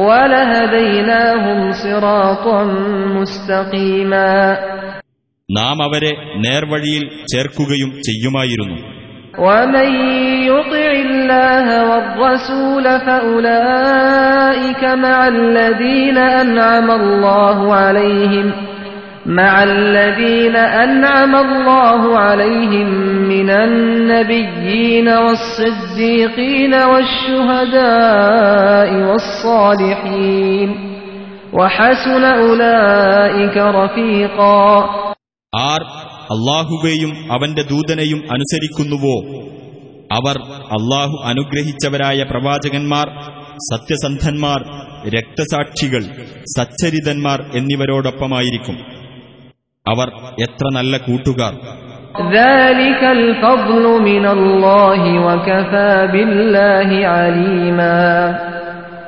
അള്ളാഹുവിങ്കിൽ നിന്നുള്ള അനുഗ്രഹമത്രേ അത്. എല്ലാം അറിയുന്നവനായി അള്ളാഹു മതി.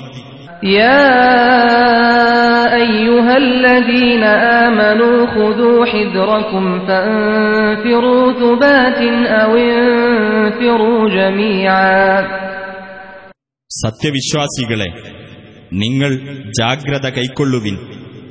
അങ്ങനെ ചെറുസംഘങ്ങളായോ ഒന്നിച്ചൊറ്റ കൂട്ടമായോ നിങ്ങൾ യുദ്ധത്തിന് പുറപ്പെട്ടുകൊള്ളുക. وإن منكم لمن ليبطئن فإن أصابتكم مصيبة قال قد أنعم الله علي إذ لم أكن معهم شهيدا തീർച്ചയായും നിങ്ങളുടെ കൂട്ടത്തിൽ മടിച്ച് പിന്നോക്കം നിൽക്കുന്നവനുണ്ട് അങ്ങനെ നിങ്ങൾക്ക് വല്ല വിപത്തും ബാധിച്ചുവെങ്കിൽ ഞാൻ അവരോടൊപ്പം യുദ്ധത്തിന് ഹാജരാകാതിരുന്നത് വഴി അള്ളാഹു എനിക്ക് അനുഗ്രഹം ചെയ്തിരിക്കുകയാണ് എന്നായിരിക്കും അവൻ പറയുക ولئن أصابكم فضل من الله ليقولن كأن لم تكن بينكم وبينه مودة يا ليتني كنت معهم فأفوز فوزا عظيما നിങ്ങൾക്ക് അള്ളാഹുവിങ്കിൽ നിന്ന് വല്ല അനുഗ്രഹവും വന്നു കിട്ടുകയാണെങ്കിലോ നിങ്ങളും അവനും തമ്മിൽ യാതൊരു സ്നേഹബന്ധവുമുണ്ടായിരുന്നില്ല എന്ന മട്ടിൽ അവൻ പറയും ഹാ കഷ്ടമായി. ഞാൻ അവരുടെ കൂടെയുണ്ടായിരുന്നെങ്കിൽ എത്ര നന്നായിരുന്നേനെ. എങ്കിൽ എനിക്കൊരു വലിയ നേട്ടം നേടിയെടുക്കാമായിരുന്നു. فليقاتل في سبيل الله الذين يشرون الحياة الدنيا بالآخرة ومن يقاتل في سبيل الله فيقتل أو يغلب فسوف نؤتيه أجرا عظيما ഇഹലോക ജീവിതത്തെ പരലോക ജീവിതത്തിന് പകരം വിൽക്കാൻ തയ്യാറുള്ളവർ അള്ളാഹുവിന്റെ മാർഗത്തിൽ യുദ്ധം ചെയ്യട്ടെ അള്ളാഹുവിന്റെ മാർഗത്തിൽ വല്ലവനും യുദ്ധം ചെയ്തിട്ട് അവൻ കൊല്ലപ്പെട്ടാലും വിജയം നേടിയാലും നാം അവന് മഹത്തായ പ്രതിഫലം നൽകുന്നതാണ് وما لكم لا تقاتلون في سبيل الله والمستضعفين من الرجال والنساء والولدان الذين يقولون الذين يقولون ربنا أخرجنا من هذه القرية الظالم أهلها واجعل لنا من لدنك وليا واجعل لنا من لدنك نصيرا അള്ളാഹുവിന്റെ മാർഗത്തിൽ നിങ്ങൾക്കെന്തുകൊണ്ട് യുദ്ധം ചെയ്തുകൂടാ ഞങ്ങളുടെ രക്ഷിതാവേ അക്രമികളായ ആളുകൾ അധിവസിക്കുന്ന ഈ നാട്ടിൽ നിന്ന് ഞങ്ങളെ നീ മോചിപ്പിക്കുകയും നിന്റെ വകയായി ഒരു രക്ഷാധികാരിയെയും നിന്റെ വകയായി ഒരു സഹായിയെയും ഞങ്ങൾക്ക് നീ നിശ്ചയിച്ചു തരികയും ചെയ്യണമേ എന്ന് പ്രാർത്ഥിച്ചുകൊണ്ടിരിക്കുന്ന മർദ്ദിച്ചൊതുക്കപ്പെട്ട പുരുഷന്മാർക്കും സ്ത്രീകൾക്കും കുട്ടികൾക്കും വേണ്ടിയും നിങ്ങൾക്കെന്തുകൊണ്ട് യുദ്ധം ചെയ്തുകൂടാ? الذين آمنوا يقاتلون في سبيل الله والذين كفروا يقاتلون في سبيل الطاغوت فقاتلوا أولياء الشيطان.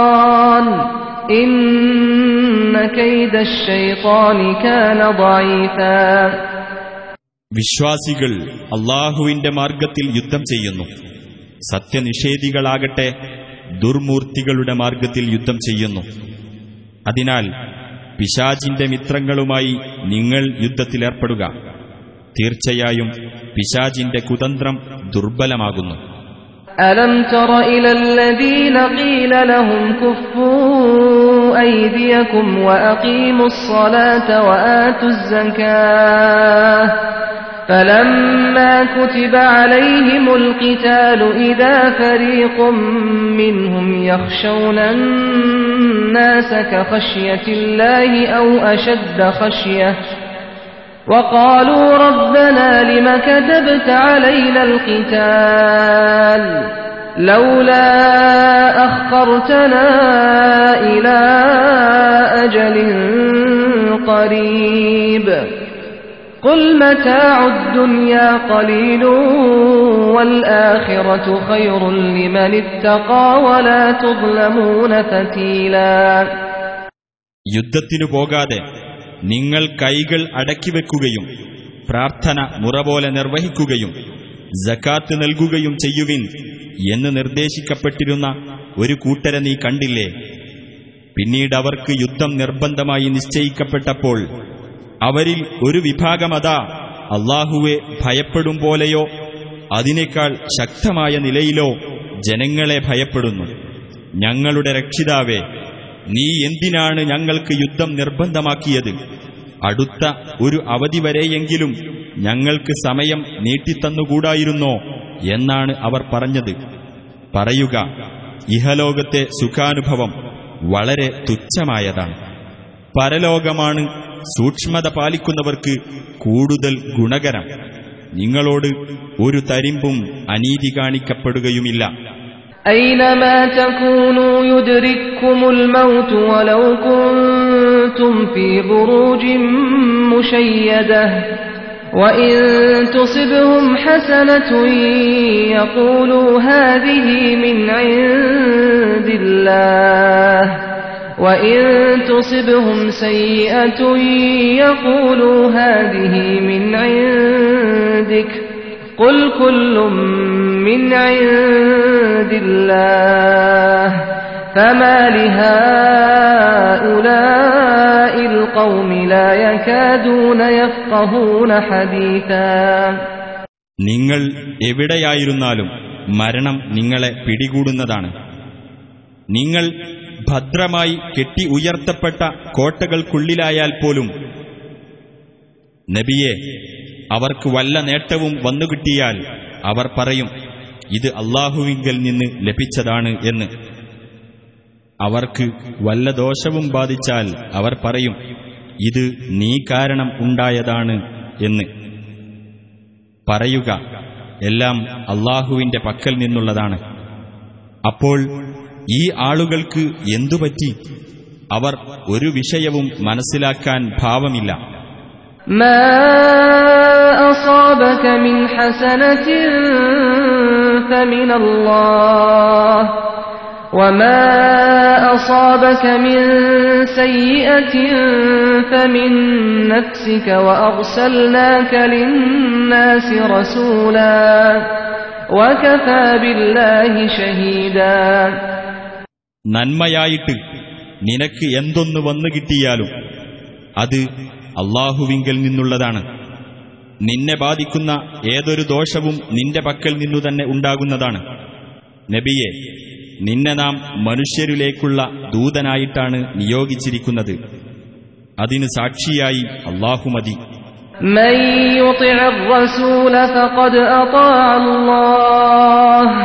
يطع الرسول فقد أطاع الله ومن تولى فما أرسلناك عليهم حفيظا അള്ളാഹുവിന്റെ ദൂതനെ ആർ അനുസരിക്കുന്നുവോ തീർച്ചയായും അവൻ അള്ളാഹുവെ അനുസരിച്ചു ആർ പിന്തിരിഞ്ഞുവോ അവരുടെ മേൽ കാവൽക്കാരനായി നിന്നെ നാം നിയോഗിച്ചിട്ടില്ല ويقولون طاعة فإذا برزوا من عندك بيت طائفة منهم غير الذي تقول والله يكتب ما يبيتون فأعرض عنهم وتوكل على الله وكفى بالله وكيلا അവർ പറയും ഞങ്ങളിതാ അനുസരിച്ചിരിക്കുന്നു എന്ന്. എന്നിട്ടവർ നിന്റെ അടുക്കൽ നിന്ന് പുറത്തുപോയാൽ അവരിൽ ഒരു വിഭാഗം തങ്ങൾ പുറത്തു പറയുന്നതിന് വിപരീതമായി രാത്രിയിൽ ഗൂഢാലോചന നടത്തുന്നു. അവർ രാത്രി ഗൂഢാലോചന നടത്തുന്നതെല്ലാം അള്ളാഹു രേഖപ്പെടുത്തിക്കൊണ്ടിരിക്കുന്നു. ആകയാൽ നീ അവരെ വിട്ട് തിരിഞ്ഞുകളയുക. എന്നിട്ട് അള്ളാഹുവെ ഭരമേൽപ്പിക്കുക. ഭരമേൽപ്പിക്കപ്പെടുന്നവനായി അള്ളാഹു മതി.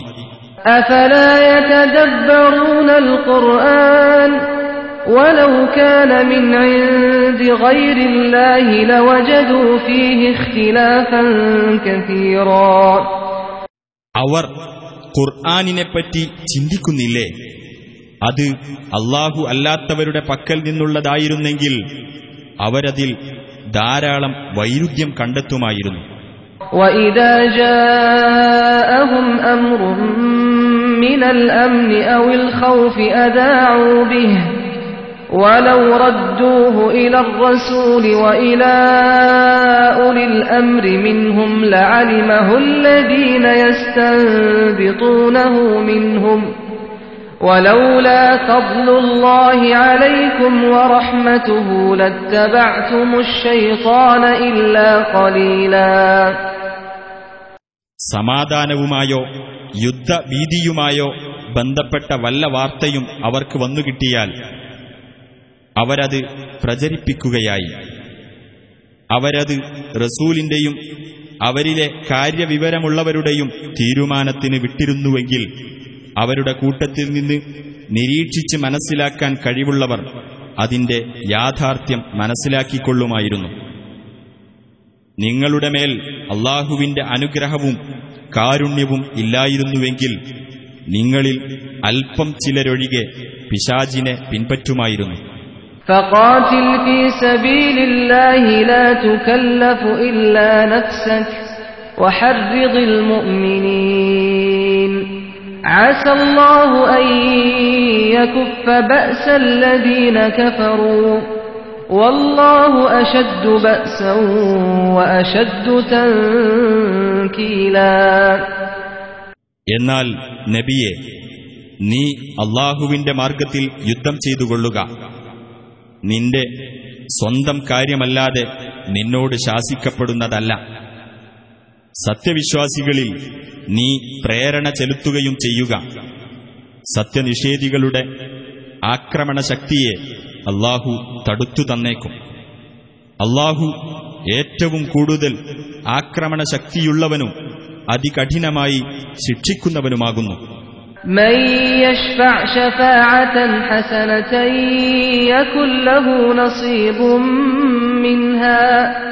ومن يشفع شفاعة سيئة يكن له كفل منها وكان الله على كل شيء مقيتا വല്ലവനും ഒരു നല്ല ശുപാർശ ചെയ്താൽ ആ നന്മയിൽ ഒരു പങ്ക് അവനുണ്ടായിരിക്കും വല്ലവനും ഒരു ചീത്ത ശുപാർശ ചെയ്താൽ ആ തിന്മയിൽ നിന്ന് ഒരു പങ്കും അവനുണ്ടായിരിക്കും അള്ളാഹു എല്ലാ കാര്യങ്ങളുടെയും മേൽനോട്ടം വഹിക്കുന്നവനാകുന്നു.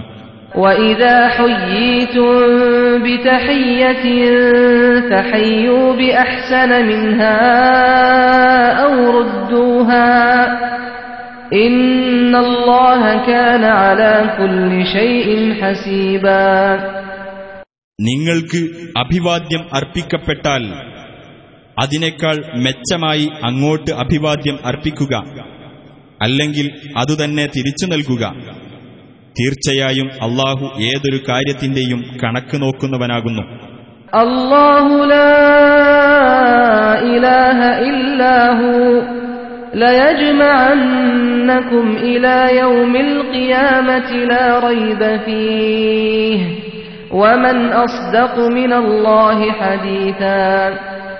അള്ളാഹു അവനല്ലാതെ യാതൊരു ദൈവവുമില്ല. ഉയർത്തെഴുന്നേൽപ്പിന്റെ ദിവസത്തേക്ക് അവൻ നിങ്ങളെയെല്ലാം ഒരുമിച്ചു കൂട്ടുക തന്നെ ചെയ്യും അതിൽ സംശയമേ ഇല്ല അള്ളാഹുവേക്കാൾ സത്യസന്ധമായി വിവരം നൽകുന്നവൻ ആരുണ്ട് فما لكم في المنافقين فئتين والله أركسهم بما كسبوا أتريدون أن تهدوا من أضل الله ومن يضلل الله فلن تجد له سبيلا എന്നാൽ കപടവിശ്വാസികളുടെ കാര്യത്തിൽ നിങ്ങൾ എന്താണ് രണ്ട് കക്ഷികളാകുന്നത് അവർ സമ്പാദിച്ചുണ്ടാക്കിയ തിന്മ കാരണം അള്ളാഹു അവരെ തലതിരിച്ചു വിട്ടിരിക്കുകയാണ് അള്ളാഹു പിഴപ്പിച്ചവരെ നിങ്ങൾ നേർവഴിയിലാക്കാൻ ഉദ്ദേശിച്ചിരിക്കുകയാണോ അള്ളാഹു ഒരുവനെ പിഴപ്പിച്ചാൽ പിന്നെ അവന് ഒരു വഴിയും നീ കണ്ടെത്തുന്നതല്ല ودوا لو تكفرون كما كفروا فتكونون سواء فلا تتخذوا منهم أولياء حتى يهاجروا في سبيل الله فإن تولوا فخذوهم واقتلوهم حيث وجدتموهم ولا تتخذوا منهم وليا ولا نصيرا അവർ അവിശ്വസിച്ചതുപോലെ നിങ്ങളും അവിശ്വസിക്കുകയും അങ്ങനെ നിങ്ങളെല്ലാം ഒരുപോലെയായി തീരുകയും ചെയ്യാനാണ് അവർ കൊതിക്കുന്നത് അതിനാൽ അവർ അള്ളാഹുവിന്റെ മാർഗത്തിൽ സ്വന്തം നാട് വിട്ടുവരുന്നതുവരെ അവരിൽ നിന്ന് നിങ്ങൾ മിത്രങ്ങളെ സ്വീകരിച്ചു പോകരുത്. എന്നാൽ അവർ പിന്തിരിഞ്ഞ് കളയുകയാണെങ്കിൽ നിങ്ങൾ അവരെ പിടികൂടുകയും അവരെ കണ്ടുമുട്ടിയേടത്തുവെച്ച് നിങ്ങൾ അവരെ കൊലപ്പെടുത്തുകയും ചെയ്യുക. അവരിൽ നിന്ന് യാതൊരു മിത്രത്തെയും സഹായിയെയും നിങ്ങൾ സ്വീകരിച്ചു പോകരുത്. إلا الذين يصلون إلى قوم بينكم وبينهم ميثاق أو جاءوكم حصرت صدورهم أو جاءوكم حصرت صدورهم أن يقاتلوكم أو يقاتلوا قومهم ولو شاء الله لسلطهم عليكم فلقاتلوكم فإن اعتزلوكم فلم يقاتلوكم وألقوا إليكم السلم فما جعل الله لكم عليهم سبيلا നിങ്ങളുമായി സഖ്യത്തിൽ കഴിയുന്ന ഒരു ജനവിഭാഗത്തോട് ചേർന്ന് നിൽക്കുന്നവരൊഴികെ നിങ്ങളോട് യുദ്ധം ചെയ്യാനോ സ്വന്തം ആൾക്കാരോട് യുദ്ധം ചെയ്യാനോ മനപ്രയാസമുള്ളവരായി നിങ്ങളുടെ അടുത്തു വരുന്നവരും ഒഴികെ. അള്ളാഹു ഉദ്ദേശിച്ചിരുന്നെങ്കിൽ നിങ്ങളുടെ മേൽ അവർക്കവൻ ശക്തി നൽകുകയും നിങ്ങളോടവർ യുദ്ധത്തിൽ ഏർപ്പെടുകയും ചെയ്യുമായിരുന്നു.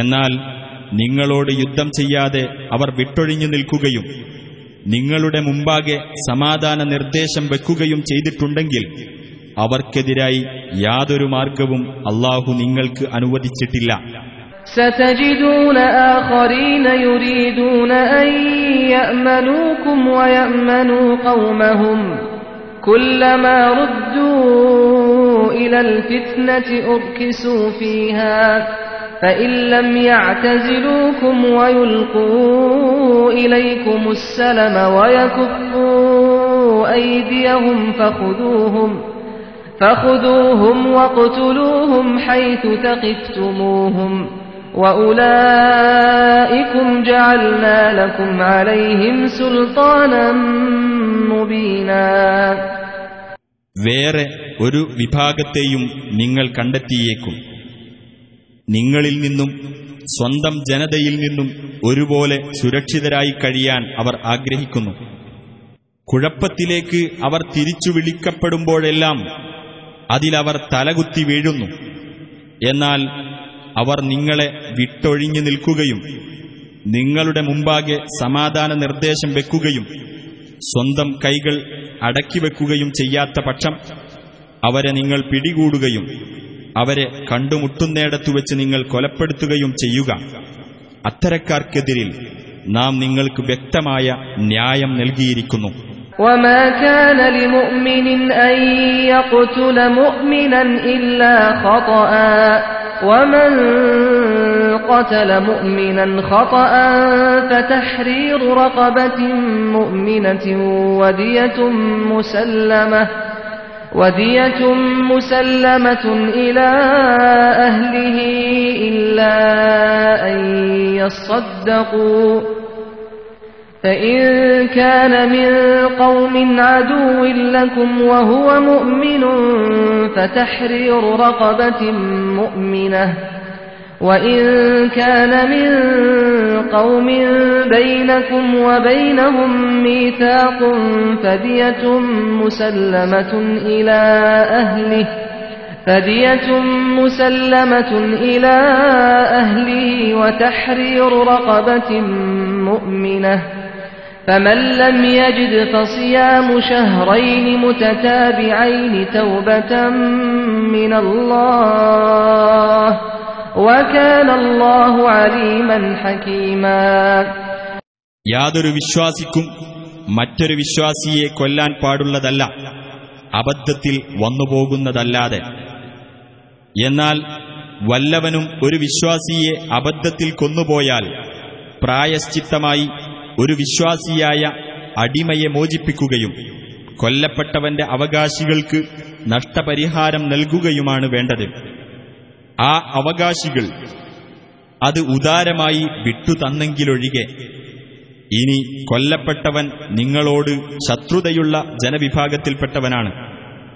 അവനാണെങ്കിൽ സത്യവിശ്വാസിയുമാണ് എങ്കിൽ സത്യവിശ്വാസിയായ ഒരു അടിമയെ മോചിപ്പിക്കുക മാത്രമാണ് വേണ്ടത്.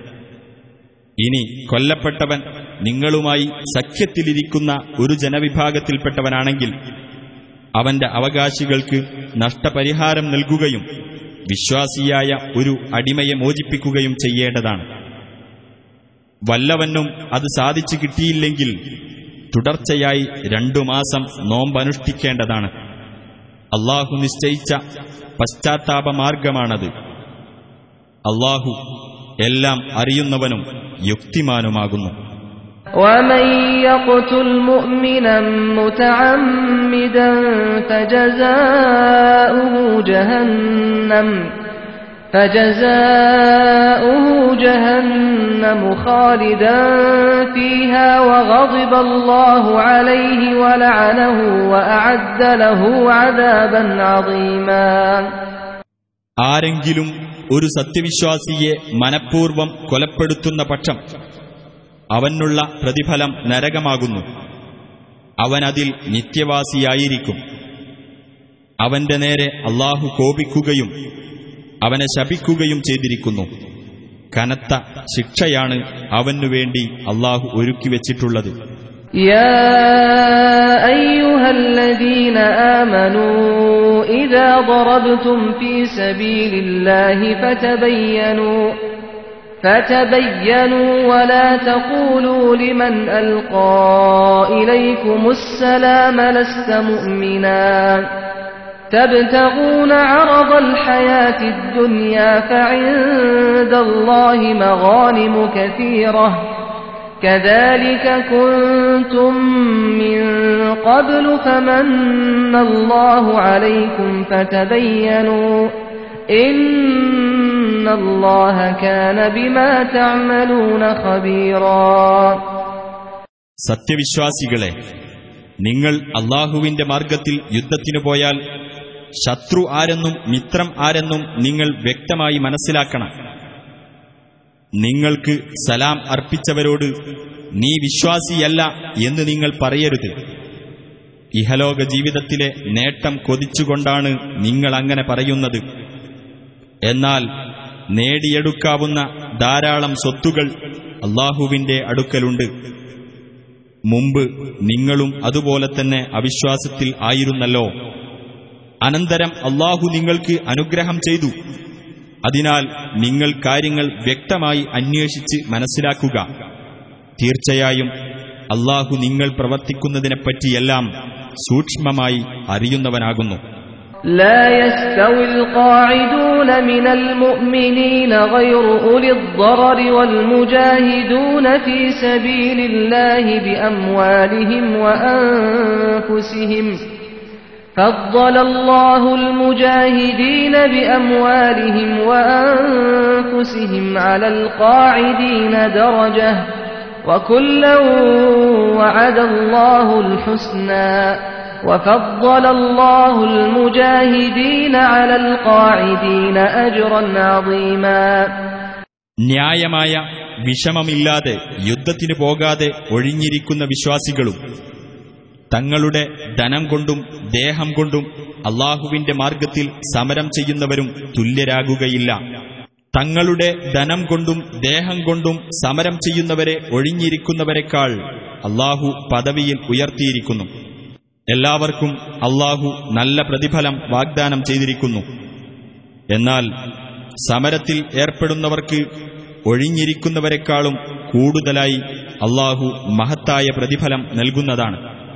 درجات منه ومغفرة ورحمة وكان الله غفورا رحيما അവന്റെ പക്കൽ നിന്നുള്ള പല പദവികളും പാപമോചനവും കാരുണ്യവുമത്രേ അവർക്കുള്ളത് അള്ളാഹു ഏറെ പൊറുക്കുന്നവനും കരുണാനിധിയുമാകുന്നു إن الذين توفاهم الملائكة ظالمي أنفسهم.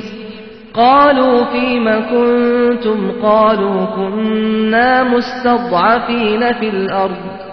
قالوا ألم تكن أرض الله واسعة فتهاجروا فيها؟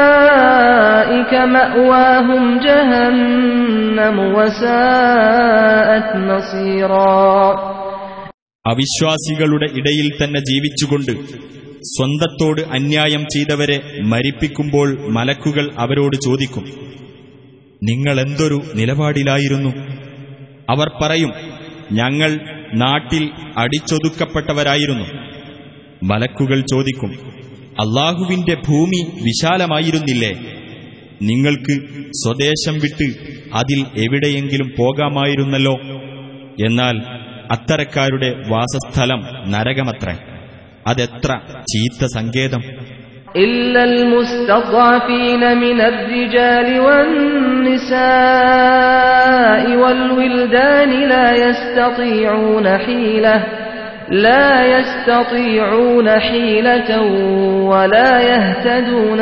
سبيلا എന്നാൽ യാതൊരു ഉപായവും സ്വീകരിക്കാൻ കഴിവില്ലാതെ ഒരു രക്ഷാമാർഗവും കണ്ടെത്താനാകാതെ അടിച്ചൊതുക്കപ്പെട്ടവരായി കഴിയുന്ന പുരുഷന്മാരും സ്ത്രീകളും കുട്ടികളും ഇതിൽ നിന്നൊഴിവാകുന്നു فأولئك عسى الله أن يعفو عنهم وكان الله عفوا غفورا അത്തരക്കാർക്ക് അള്ളാഹു മാപ്പ് നൽകിയേക്കാം അള്ളാഹു അത്യധികം മാപ്പ് നൽകുന്നവനും ഏറെ പൊറുക്കുന്നവനുമാകുന്നു ومن يهاجر في سبيل الله يجد في الأرض مراغما كثيرا وسعه ومن يخرج من بيته مهاجرا إلى الله ورسوله ثم يدركه الموت ثم يدركه الموت فقد وقع أجره على الله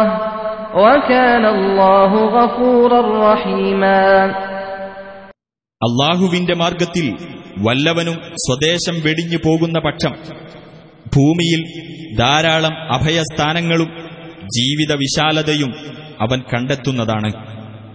വല്ലവനും തന്റെ വീട്ടിൽ നിന്ന് സ്വദേശം വെടിഞ്ഞുകൊണ്ട് അള്ളാഹുവിലേക്കും അവന്റെ ദൂതനിലേക്കും ഇറങ്ങി പുറപ്പെടുകയും അനന്തരം വഴിമധ്യേ മരണം അവനെ പിടികൂടുകയും ചെയ്യുന്ന പക്ഷം അവനുള്ള പ്രതിഫലം അള്ളാഹുവിങ്കൽ സ്ഥിരപ്പെട്ടു കഴിഞ്ഞു.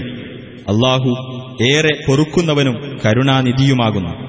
وإذا ضربتم في الأرض فليس عليكم جناح أن تقصروا من الصلاة إن خفتم فليس عليكم جناح أن تقصروا من الصلاة إن خفتم أن يفتنكم الذين كفروا إن الكافرين كانوا لكم عدوا مبينا ഭൂമിയിൽ യാത്ര ചെയ്യുകയാണെങ്കിൽ സത്യനിഷേധികൾ നിങ്ങൾക്ക് നാശം വരുത്തുമെന്ന് നിങ്ങൾ ഭയപ്പെടുന്ന പക്ഷം നമസ്കാരം ചുരുക്കി നിർവഹിക്കുന്നതിൽ നിങ്ങൾക്ക് കുറ്റമില്ല തീർച്ചയായും സത്യനിഷേധികൾ നിങ്ങളുടെ പ്രത്യക്ഷ ശത്രുക്കളാകുന്നു وإذا كنت فيهم فأقمت لهم الصلاة فلتقم طائفة منهم معك فلتقم طائفة منهم معك وليأخذوا أسلحتهم فإذا سجدوا فليكونوا من ورائكم ولتأت طائفة أخرى لم يصلوا فليصلوا معك وليأخذوا حذرهم وأسلحتهم. ود الذين كفروا لو تغفلون عن أسلحتكم وأمتعتكم فيميلون عليكم ميلة واحدة ولا جناح عليكم إن كان بكم أذى من مطر أو كنتم مرضى أن تضعوا أسلحتكم وخذوا حذركم إن الله أعد للكافرين عذابا مهينا നബിയെ നീ അവരുടെ കൂട്ടത്തിലുണ്ടായിരിക്കുകയും അവർക്ക് നേതൃത്വം നൽകിക്കൊണ്ട് നമസ്കാരം നിർവഹിക്കുകയുമാണെങ്കിൽ അവരിൽ ഒരു വിഭാഗം നിന്റെ കൂടെ നിൽക്കട്ടെ അവർ അവരുടെ ആയുധങ്ങൾ എടുക്കുകയും ചെയ്യട്ടെ അങ്ങനെ അവർ സുജൂത് ചെയ്തു കഴിഞ്ഞാൽ അവർ നിങ്ങളുടെ പിന്നിലേക്ക് മാറി നിൽക്കുകയും നമസ്കരിച്ചിട്ടില്ലാത്ത മറ്റേ വിഭാഗം വന്ന് നിന്റെ കൂടെ നമസ്കരിക്കുകയും ചെയ്യട്ടെ. അവർ ജാഗ്രത കൈക്കൊള്ളുകയും തങ്ങളുടെ ആയുധങ്ങൾ എടുക്കുകയും ചെയ്യേണ്ടതാണ്. നിങ്ങളുടെ ആയുധങ്ങളെപ്പറ്റിയും നിങ്ങളുടെ സാധനങ്ങളെപ്പറ്റിയും നിങ്ങൾ അശ്രദ്ധരായെങ്കിൽ നിങ്ങളുടെ നേരെ തിരിഞ്ഞ് ഒരൊറ്റ ആഞ്ഞടി നടത്താമായിരുന്നുവെന്ന് സത്യനിഷേധികൾ മോഹിക്കുകയാണ്. എന്നാൽ മഴ കാരണം നിങ്ങൾക്ക് ശല്യമുണ്ടാകുകയോ നിങ്ങൾ രോഗബാധിതരാവുകയോ ചെയ്താൽ നിങ്ങളുടെ ആയുധങ്ങൾ താഴെ വെക്കുന്നതിന് കുറ്റമില്ല. എന്നാൽ നിങ്ങൾ ജാഗ്രത പുലർത്തുക തന്നെ വേണം.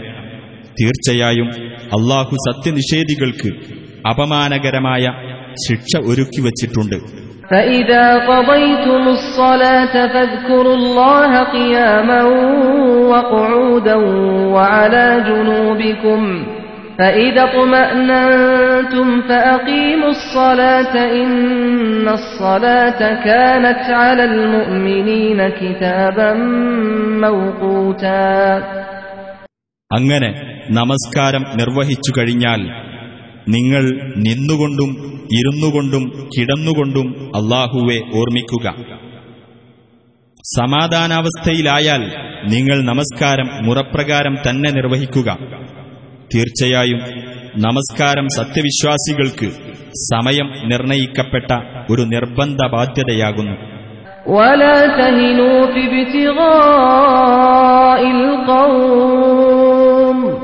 إن تكونوا تألمون فإنهم يألمون كما تألمون وترجون من الله ما لا يرجون وكان الله عليما حكيما ശത്രുജനതയെ തേടിപ്പിടിക്കുന്ന കാര്യത്തിൽ നിങ്ങൾ ദൗർബല്യം കാണിക്കരുത് നിങ്ങൾ വേദന അനുഭവിക്കുന്നുണ്ടെങ്കിൽ നിങ്ങൾ വേദന അനുഭവിക്കുന്നത് പോലെ തന്നെ അവരും വേദന അനുഭവിക്കുന്നുണ്ട്.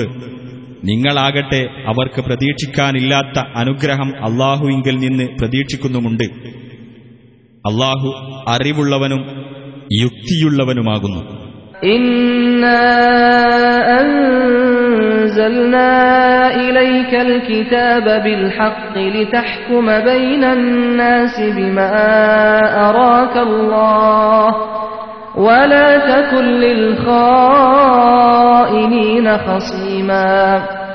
നിനക്ക് അള്ളാഹു കാണിച്ചു തന്നതനുസരിച്ച് ജനങ്ങൾക്കിടയിൽ നീ വിധി കൽപ്പിക്കുവാൻ വേണ്ടിയാണ് സത്യപ്രകാരം നാം നിനക്ക് വേദഗ്രന്ഥം അവതരിപ്പിച്ചു തന്നിട്ടുള്ളത്.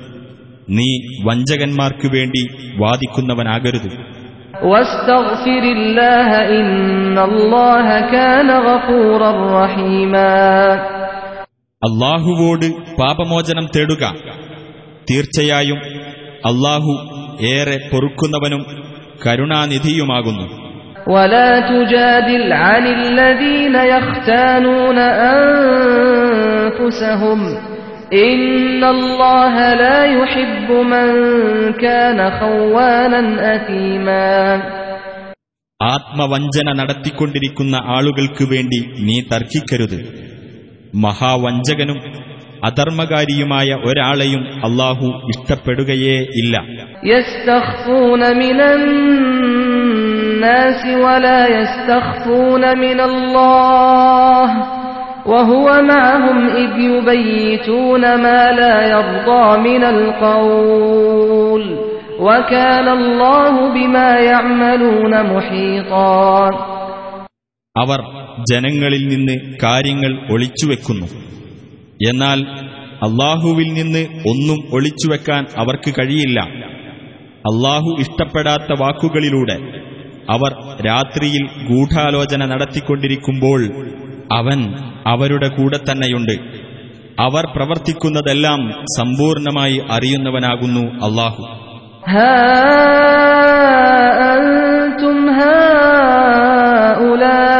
جادلتم عنهم في الحياة الدنيا فمن يجادل الله عنهم يوم القيامة أم من يكون عليهم وكيلا ഹേ കൂട്ടരെ ഐഹിക ജീവിതത്തിൽ നിങ്ങൾ അവർക്ക് വേണ്ടി തർക്കിച്ചു എന്നാൽ ഉയർത്തെഴുന്നേൽപ്പിന്റെ നാളിൽ അവർക്കു വേണ്ടി അള്ളാഹുവോട് തർക്കിക്കാൻ ആരാണുള്ളത് അല്ലെങ്കിൽ അവരുടെ കാര്യം ഏറ്റെടുക്കാൻ ആരാണുണ്ടായിരിക്കുക?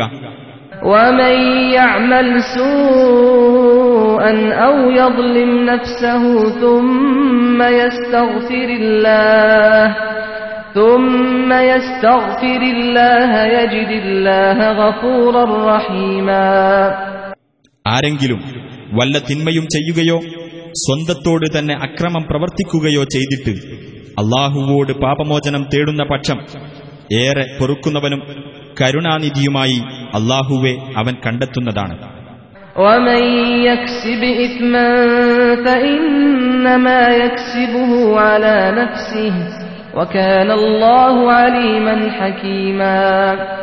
വല്ലവനും പാപം സമ്പാദിച്ചു വെക്കുന്ന പക്ഷം അവന്റെ തന്നെ ദോഷത്തിനായിട്ടാണ് അവനത് സമ്പാദിച്ചു വെക്കുന്നത്. അള്ളാഹു സർവജ്ഞനും യുക്തിമാനുമാകുന്നു. ومن يكسب خطيئة أو إثما ثم يرم به بريئا فقد احتمل فقد احتمل بهتانا وإثما مبينا ആരെങ്കിലും വല്ല തെറ്റോ കുറ്റമോ പ്രവർത്തിക്കുകയും എന്നിട്ട് അത് ഒരു നിരപരാധിയുടെ പേരിൽ ആരോപിക്കുകയും ചെയ്യുന്ന പക്ഷം തീർച്ചയായും അവൻ ഒരു കള്ള ആരോപണവും പ്രത്യക്ഷമായ ഒരു പാപവും പേറുകയാണ് ചെയ്തിരിക്കുന്നത് ولولا فضل الله عليك ورحمته لهم طائفة منهم أن يضلوك وما يضلون إلا أنفسهم وما يضرونك من شيء وأنزل الله عليك الكتاب والحكمة وعلمك ما لم تكن تعلم وكان فضل الله عليك عظيما നിന്റെ മേൽ അള്ളാഹുവിന്റെ അനുഗ്രഹവും കാരുണ്യവുമില്ലായിരുന്നുവെങ്കിൽ അവരിൽ ഒരു വിഭാഗം നിന്നെ പിഴപ്പിച്ചു കളയുവാൻ തുനിഞ്ഞിരിക്കുകയായിരുന്നു വാസ്തവത്തിൽ അവർ അവരെ തന്നെയാണ് പിഴപ്പിക്കുന്നത് നിനക്ക് അവർ ഒരു ഉപദ്രവവും വരുത്തുന്നതല്ല അള്ളാഹു നിനക്ക് വേദവും ജ്ഞാനവും അവതരിപ്പിച്ചു തരികയും നിനക്ക് അറിവില്ലാതിരുന്നത് പഠിപ്പിക്കുകയും ചെയ്തിരിക്കുന്നു നിന്റെ മേലുള്ള അള്ളാഹുവിന്റെ അനുഗ്രഹം മഹത്തായതാകുന്നു لا خير في كثير من نجواهم إلا من أمر بصدقة أو معروف أو إصلاح بين الناس ومن يفعل ذلك ابتغاء مرضات الله فسوف نؤتيه أجرا عظيما അവരുടെ രഹസ്യാലോചനകളിൽ മിക്കതിലും യാതൊരു നന്മയുമില്ല വല്ല ദാനധർമ്മവും ചെയ്യാനോ സദാചാരം കൈക്കൊള്ളാനോ ജനങ്ങൾക്കിടയിൽ രഞ്ജിപ്പുണ്ടാക്കാനോ കൽപ്പിക്കുന്ന ആളുകളുടെ വാക്കുകളിലൊഴികെ വല്ലവനും അള്ളാഹുവിന്റെ പൊരുത്തം തേടിക്കൊണ്ട് അപ്രകാരം ചെയ്യുന്ന പക്ഷം അവന് നാം മഹത്തായ പ്രതിഫലം നൽകുന്നതാണ് ومن يشاقق الرسول من بعد ما تبين له الهدى ويتبع غير سبيل المؤمنين نوله ما تولى ونصله جهنم وساءت مصيرا തനിക്ക് സന്മാർഗം വ്യക്തമായി കഴിഞ്ഞ ശേഷവും ആരെങ്കിലും ദൈവദൂതനുമായി എതിർത്തു നിൽക്കുകയും സത്യവിശ്വാസികളുടേതല്ലാത്ത മാർഗം പിന്തുടരുകയും ചെയ്യുന്ന പക്ഷം അവൻ തിരിഞ്ഞ വഴിക്ക് തന്നെ നാം അവനെ തിരിച്ചുവിടുന്നതും നരകത്തിലിട്ട് നാം അവനെ കരിക്കുന്നതുമാണ് അതെത്ര മോശമായ പര്യവസാനം.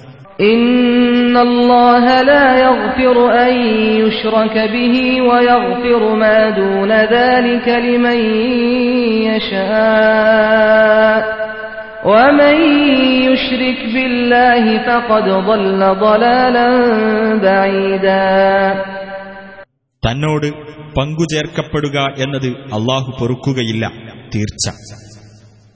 അതൊഴിച്ചുള്ളത് അവൻ ഉദ്ദേശിക്കുന്നവർക്ക് അവൻ പൊറത്തു കൊടുക്കുന്നതാണ്.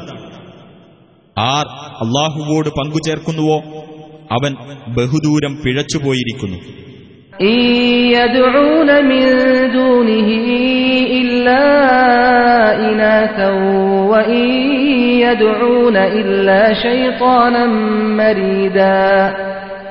അള്ളാഹുവിന് പുറമെ അവർ വിളിച്ചു പ്രാർത്ഥിക്കുന്നത് ചില പെൺദൈവങ്ങളെ മാത്രമാകുന്നു. വാസ്തവത്തിൽ ധിക്കാരിയായ പിശാചിനെ മാത്രമാണ് അവർ വിളിച്ച് പ്രാർത്ഥിക്കുന്നത്.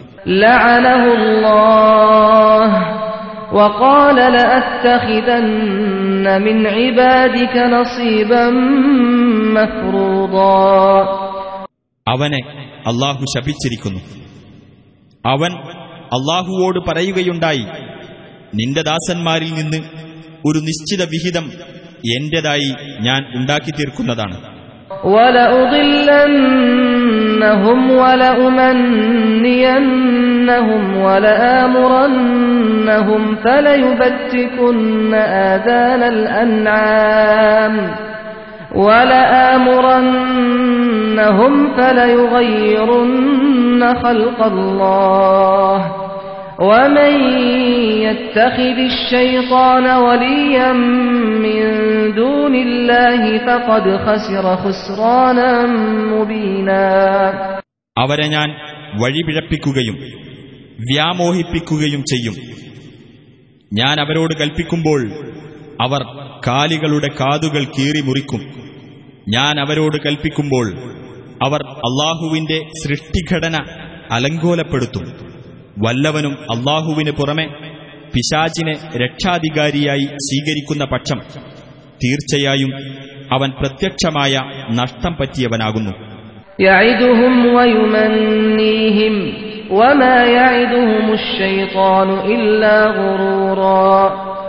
പിശാജ് അവർക്ക് വാഗ്ദാനങ്ങൾ നൽകുകയും അവരെ വ്യാമോഹിപ്പിക്കുകയും ചെയ്യുന്നു.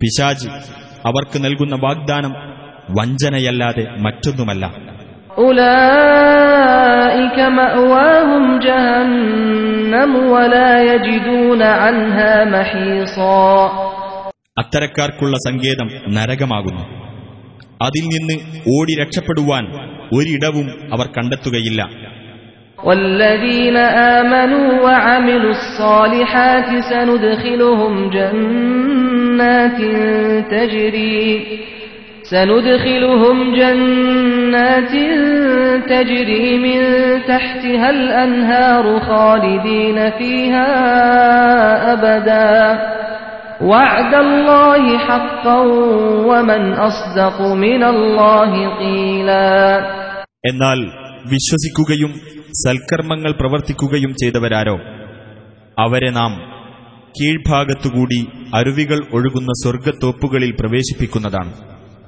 അവരതിൽ നിത്യവാസികളായിരിക്കും അള്ളാഹുവിന്റെ സത്യമായ വാഗ്ദാനമാണത് അള്ളാഹുവേക്കാൾ സത്യസന്ധമായി സംസാരിക്കുന്നവൻ ആരുണ്ട് ليس بأمانيكم ولا أماني أهل الكتاب من يعمل سوءا يجز به ولا يجد له من دون الله وليا ولا نصيرا കാര്യം നിങ്ങളുടെ വ്യാമോഹങ്ങളനുസരിച്ചല്ല വേദക്കാരുടെ വ്യാമോഹങ്ങളനുസരിച്ചുമല്ല ആര് തിന്മ പ്രവർത്തിച്ചാലും അതിനുള്ള പ്രതിഫലം അവന് നൽകപ്പെടും അള്ളാഹുവിന് പുറമെ തനിക്ക് ഒരു മിത്രത്തെയും സഹായിയെയും അവൻ കണ്ടെത്തുകയുമില്ല ومن يعمل من الصالحات من ذكر أو أنثى وهو مؤمن فأولئك يدخلون الجنة ولا يظلمون نقيرا ആണാകട്ടെ പെണ്ണാകട്ടെ ആർ സത്യവിശ്വാസിയായിക്കൊണ്ട് സൽപ്രവർത്തികൾ ചെയ്യുന്നുവോ അവർ സ്വർഗത്തിൽ പ്രവേശിക്കുന്നതാണ് അവരോട് ഒരു തരിമ്പും അനീതി കാണിക്കപ്പെടുന്നതല്ല ومن أحسن دينا ممن أسلم وجهه لله وهو محسن واتبع ملة إبراهيم حنيفا واتخذ الله إبراهيم خليلا സദ്വൃത്തനായിക്കൊണ്ട് തന്റെ മുഖത്തെ അള്ളാഹുവിന് കീഴ്പ്പെടുത്തുകയും നേർമാർഗത്തിൽ ഉറച്ചു നിന്നുകൊണ്ട് ഇബ്രാഹീമിന്റെ മാർഗത്തെ പിന്തുടരുകയും ചെയ്തവനേക്കാൾ ഉത്തമ മതക്കാരൻ ആരുണ്ട്? അള്ളാഹു ഇബ്രാഹീമിനെ സുഹൃത്തായി സ്വീകരിച്ചിരിക്കുന്നു.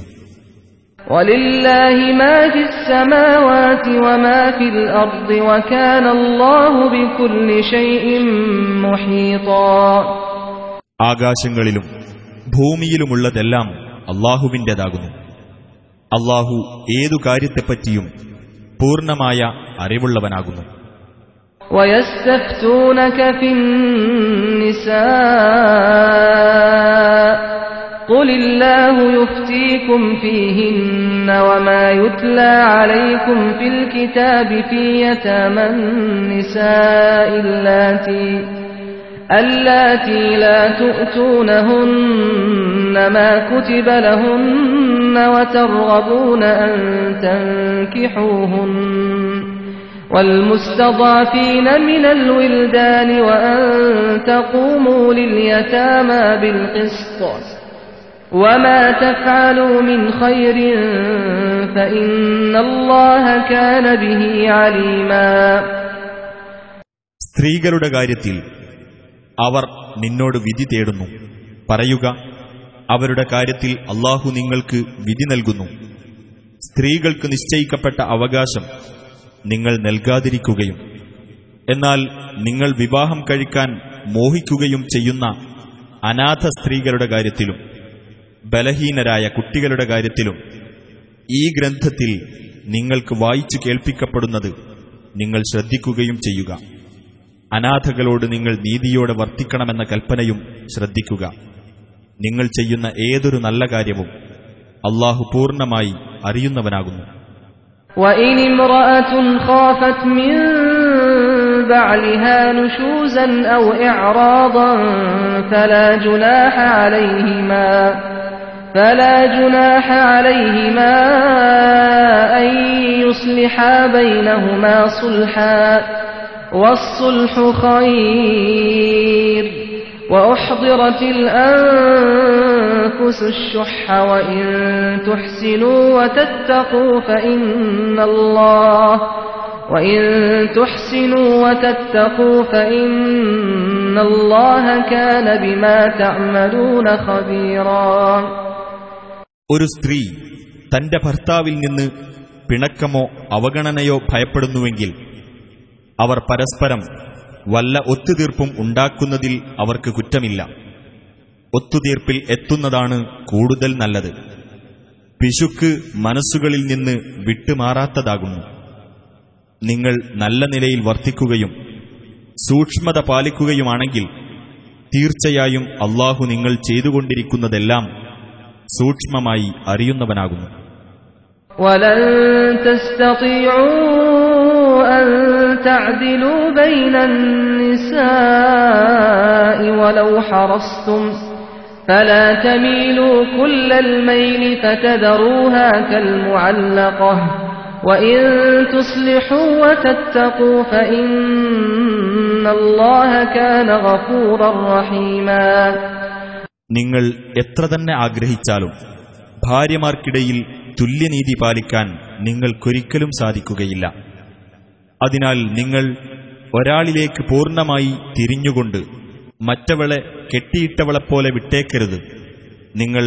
പെരുമാറ്റം നന്നാക്കി തീർക്കുകയും സൂക്ഷ്മത പാലിക്കുകയും ചെയ്യുന്ന പക്ഷം അള്ളാഹു ഏറെ പൊറുക്കുന്നവനും കരുണാനിധിയുമാകുന്നു وإن يتفرقا يغن الله كلا من سعته وكان الله واسعا حكيما ഇനി അവർ ഇരുവരും വേർപിരിയുകയാണെങ്കിൽ അള്ളാഹു അവന്റെ വിശാലമായ കഴിവിൽ നിന്ന് അവർ ഓരോരുത്തർക്കും സ്വാശ്രയത്വം നൽകുന്നതാണ് അള്ളാഹു വിപുലമായ കഴിവുള്ളവനും യുക്തിമാനുമാകുന്നു ولله ما في السماوات وما في الأرض ولقد وصينا الذين أوتوا الكتاب من قبلكم وإياكم أن اتقوا الله وإن تكفروا فإن لله ما في السماوات وما في الأرض وكان الله غنيا حميدا ആകാശങ്ങളിലുള്ളതും ഭൂമിയിലുള്ളതുമെല്ലാം അള്ളാഹുവിൻ്റേതാകുന്നു നിങ്ങൾ അള്ളാഹുവെ സൂക്ഷിക്കുക എന്ന് നിങ്ങൾക്ക് മുമ്പ് വേദം നൽകപ്പെട്ടവരോടും നിങ്ങളോടും നാം വസീയത്ത് ചെയ്തിരിക്കുന്നു. നിങ്ങൾ അവിശ്വസിക്കുന്ന പക്ഷം അള്ളാഹുവിന് ഒരു നഷ്ടവുമില്ല. കാരണം ആകാശങ്ങളിലും ഭൂമിയിലുമുള്ളതെല്ലാം അള്ളാഹുവിന്റേതാകുന്നു. അള്ളാഹു പരാശ്രയമുക്തനും സ്തുത്യർഹനുമാകുന്നു. ولله ما في السماوات وما في الأرض وكفى بالله وكيلا ആകാശങ്ങളിലും ഭൂമിയിലുമുള്ളതെല്ലാം അള്ളാഹുവിൻ്റേതാകുന്നു കൈകാര്യകർത്താവായി അള്ളാഹു മതി إن يشأ يذهبكم أيها الناس ويأت بآخرين وكان الله على ذلك قديرا ജനങ്ങളെ അവൻ ഉദ്ദേശിക്കുന്നുവെങ്കിൽ നിങ്ങളെ അവൻ നീക്കം ചെയ്യുകയും മറ്റൊരു വിഭാഗത്തെ അവൻ കൊണ്ടുവരികയും ചെയ്യുന്നതാണ് അള്ളാഹു അതിന് കഴിവുള്ളവനായിരിക്കുന്നു من كان يريد ثواب الدنيا فعند الله ثواب الدنيا والآخرة وكان الله سميعا بصيرا വല്ലവനും ഇഹലോകത്തെ പ്രതിഫലമാണ് ലക്ഷ്യമാക്കുന്നതെങ്കിൽ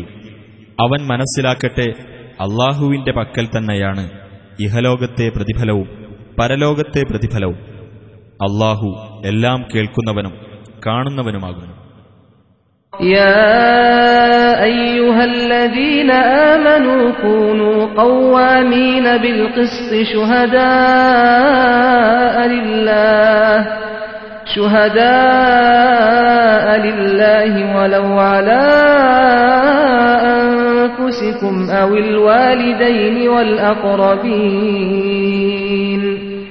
إن يكن غنيا أو فقيرا فالله أولى بهما فلا تتبعوا الهوى أن تعدلوا وإن تلوا أو تعرضوا فإن الله كان بما تعملون خبيرا സത്യവിശ്വാസികളെ നിങ്ങൾ അള്ളാഹുവിനു വേണ്ടി സാക്ഷ്യം വഹിക്കുന്നവരെന്ന നിലയിൽ കണിശമായി നീതി നിലനിർത്തുന്നവരായിരിക്കണം അത് നിങ്ങൾക്ക് തന്നെയോ നിങ്ങളുടെ മാതാപിതാക്കൾ അടുത്ത ബന്ധുക്കൾ എന്നിവർക്കോ പ്രതികൂലമായി തീർന്നാലും ശരി കക്ഷി ധനികനോ ദരിദ്രനോ ആകട്ടെ ആ രണ്ട് വിഭാഗത്തോടും കൂടുതൽ ബന്ധപ്പെട്ടവൻ അള്ളാഹുവാകുന്നു അതിനാൽ നിങ്ങൾ നീതി പാലിക്കാതെ തന്നിഷ്ടങ്ങളെ പിൻപറ്റരുത് നിങ്ങൾ വളച്ചൊടിക്കുകയോ ഒഴിഞ്ഞുമാറുകയോ ചെയ്യുന്ന പക്ഷം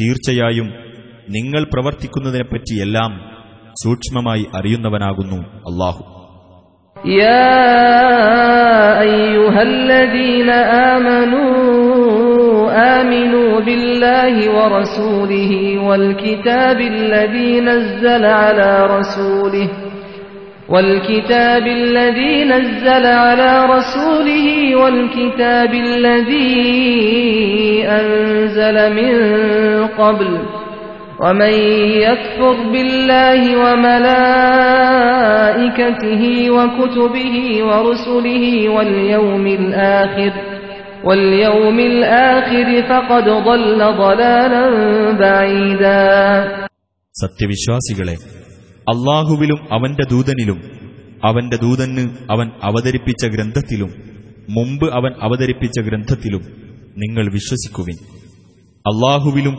അവന്റെ മലക്കുകളിലും അവന്റെ ഗ്രന്ഥങ്ങളിലും അവന്റെ ദൂതന്മാരിലും അന്ത്യദിനത്തിലും വല്ലവനും അവിശ്വസിക്കുന്ന പക്ഷം തീർച്ചയായും അവൻ ബഹുദൂരം പിഴച്ചുപോയിരിക്കുന്നു إن الذين آمنوا ثم كفروا ثم آمنوا ثم كفروا ثم ازدادوا كفرا لم يكن الله ليغفر لهم لم يكن الله ليغفر لهم ولا ليهديهم سبيلا ഒരിക്കൽ വിശ്വസിക്കുകയും പിന്നീട് അവിശ്വസിക്കുകയും വീണ്ടും വിശ്വസിച്ചിട്ട് പിന്നെയും അവിശ്വസിക്കുകയും. അനന്തരം അവിശ്വാസം കൂടിക്കൂടി വരികയും ചെയ്തവരാരോ? അവർക്ക് അള്ളാഹു പൊറത്തു കൊടുക്കുകയേ ഇല്ല. അവരെ അവൻ നേർവഴിയിലേക്ക് നയിക്കുന്നതുമല്ല.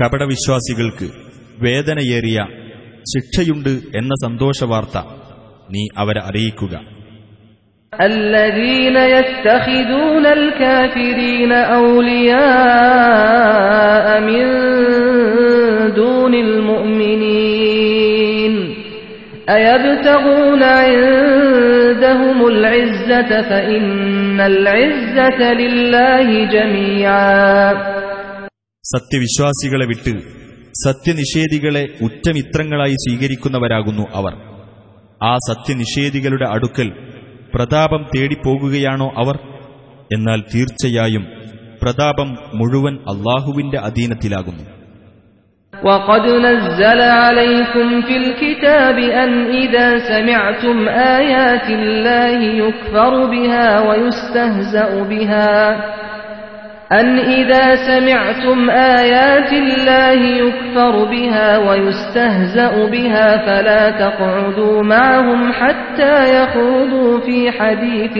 غيره. إنكم إذا مثلهم. إن الله جامع المنافقين والكافرين في جهنم جميعا. അള്ളാഹുവിന്റെ വചനങ്ങൾ നിഷേധിക്കപ്പെടുന്നതും പരിഹസിക്കപ്പെടുന്നതും നിങ്ങൾ കേട്ടാൽ അത്തരക്കാർ മറ്റു വല്ല വർത്തമാനത്തിലും പ്രവേശിക്കുന്നതുവരെ നിങ്ങൾ അവരോടൊപ്പം ഇരിക്കരുതെന്നും അങ്ങനെ ഇരിക്കുന്ന പക്ഷം നിങ്ങളും അവരെപ്പോലെ തന്നെ ആയിരിക്കുമെന്നും ഈ ഗ്രന്ഥത്തിൽ അള്ളാഹു നിങ്ങൾക്ക് അവതരിപ്പിച്ചു തന്നിട്ടുണ്ടല്ലോ. കപടവിശ്വാസികളെയും അവിശ്വാസികളെയും ഒന്നിച്ച് അള്ളാഹു നരകത്തിൽ ഒരുമിച്ചുകൂട്ടുക തന്നെ ചെയ്യും الذين يتربصون بكم فإن كان لكم فتح من الله قالوا ألم نكن معكم وإن كان للكافرين نصيب قالوا ألم نستحوذ عليكم ونمنعكم من المؤمنين فالله يحكم بينكم يوم القيامة ولن يجعل الله للكافرين على المؤمنين سبيلا നിങ്ങളുടെ സ്ഥിതിഗതികൾ ഉറ്റുനോക്കിക്കൊണ്ടിരിക്കുന്നവരത്രേ ആ കപടവിശ്വാസികൾ നിങ്ങൾക്ക് അള്ളാഹുവിങ്കൽ നിന്ന് ഒരു വിജയം കൈവന്നാൽ അവർ പറയും ഞങ്ങൾ നിങ്ങളുടെ കൂടെയായിരുന്നില്ലേ എന്ന് ഇനി അവിശ്വാസികൾക്കാണ് വല്ല നേട്ടവും ഉണ്ടാകുന്നതെങ്കിൽ അവർ പറയും നിങ്ങളുടെ മേൽ ഞങ്ങൾ വിജയസാധ്യത നേടിയിട്ടും വിശ്വാസികളിൽ നിന്ന് നിങ്ങളെ ഞങ്ങൾ രക്ഷിച്ചില്ലേ എന്ന്. എന്നാൽ ഉയർത്തെഴുന്നേൽപ്പിന്റെ നാളിൽ നിങ്ങൾക്കിടയിൽ അള്ളാഹു വിധി കൽപ്പിക്കുന്നതാണ്. വിശ്വാസികൾക്കെതിരിൽ അള്ളാഹു ഒരിക്കലും സത്യനിഷേധികൾക്ക് വഴി തുറന്നു കൊടുക്കുന്നതല്ല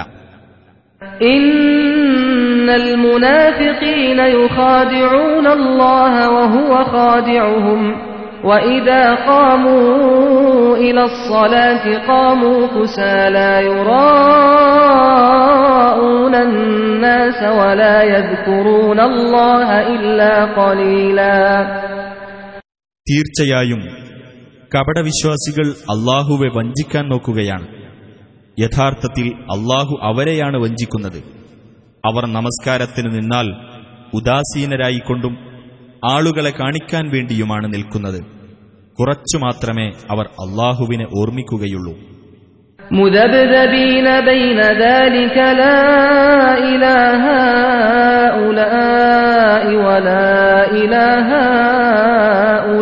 هؤلاء ومن يضلل الله فلن تجد له سبيلا ഈ കക്ഷിയിലേക്കോ ആ കക്ഷിയിലേക്കോ ചേരാതെ അതിനിടയിൽ ആടിക്കൊണ്ടിരിക്കുന്നവരാണവർ. വല്ലവനെയും അള്ളാഹു വഴിപിഴപ്പിച്ചാൽ അവന് പിന്നെ ഒരു മാർഗവും നീ കണ്ടെത്തുകയില്ല. يا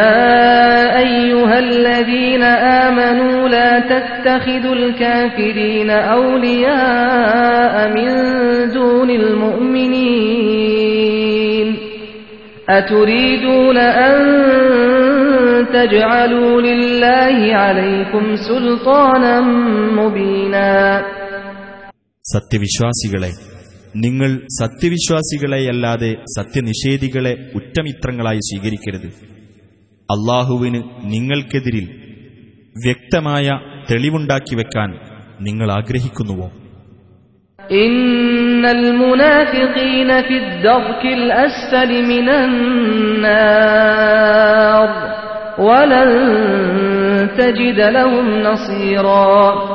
തീർച്ചയായും കപടവിശ്വാസികൾ നരകത്തിന്റെ അടിത്തട്ടിലാകുന്നു.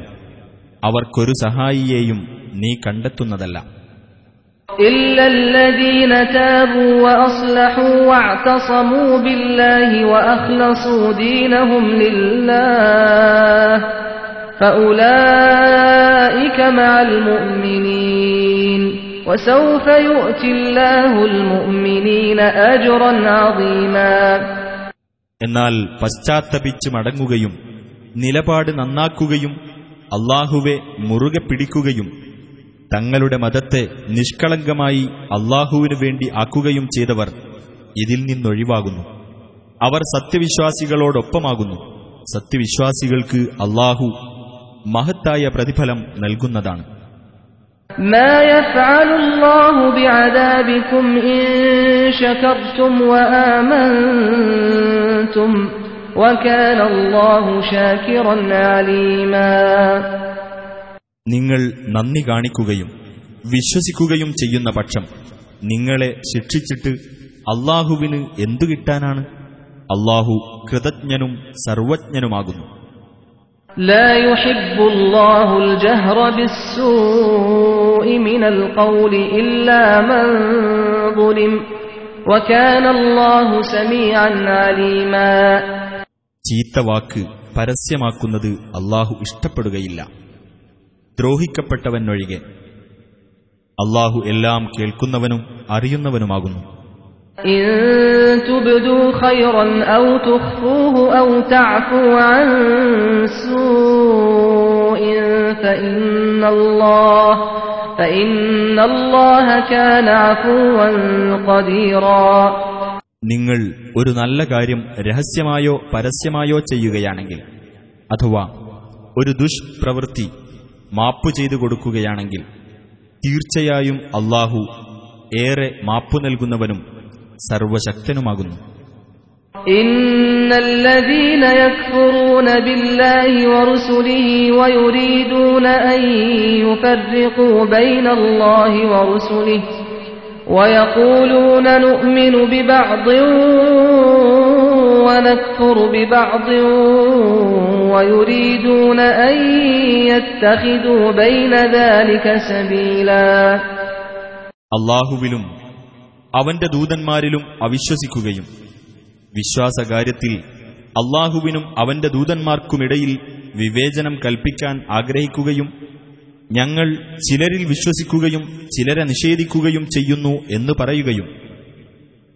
അങ്ങനെ വിശ്വാസത്തിനും അവിശ്വാസത്തിനുമിടയിൽ മറ്റൊരു മാർഗം സ്വീകരിക്കാൻ ഉദ്ദേശിക്കുകയും ചെയ്യുന്നവരാരോ? أولئك هم الكافرون حقا وأعتدنا للكافرين عذابا مهينا അവർ തന്നെയാകുന്നു യഥാർത്ഥത്തിൽ സത്യനിഷേധികൾ സത്യനിഷേധികൾക്ക് അപമാനകരമായ ശിക്ഷ നാം ഒരുക്കിവച്ചിട്ടുണ്ട് والذين آمنوا بالله ورسله ولم يفرقوا بين أحد منهم أولئك سوف يؤتيهم أجورهم وكان الله غفورا رحيما അള്ളാഹുവിലും അവന്റെ ദൂതന്മാരിലും വിശ്വസിക്കുകയും അവരിൽ ആർക്കിടയിലും വിവേചനം കാണിക്കാതിരിക്കുകയും ചെയ്തവരാരോ അവർ അർഹിക്കുന്ന പ്രതിഫലം അവർക്ക് അള്ളാഹു നൽകുന്നതാണ് അള്ളാഹു ഏറെ പൊറുക്കുന്നവനും കരുണാനിധിയുമാകുന്നു يسألك أهل الكتاب أن تنزل عليهم كتابا من السماء.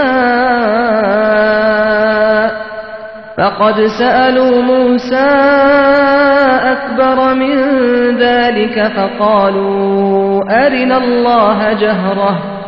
فأخذتهم الصاعقة بظلمهم. ثم اتخذوا العجل من بعد ما جاءتهم البينات فعفونا عن ذلك وآتينا موسى سلطانا مبينا വേദക്കാർ നിന്നോട് ആവശ്യപ്പെടുന്നു നീ അവർക്ക് ആകാശത്തുനിന്ന് ഒരു ഗ്രന്ഥം ഇറക്കിക്കൊടുക്കണമെന്ന് എന്നാൽ അതിനേക്കാൾ ഗുരുതരമായത് അവർ മൂസായോട് ആവശ്യപ്പെട്ടിട്ടുണ്ട് അതായത് അള്ളാഹുവെ ഞങ്ങൾക്ക് പ്രത്യക്ഷത്തിൽ കാണിച്ചു തരണം എന്നവർ പറയുകയുണ്ടായി.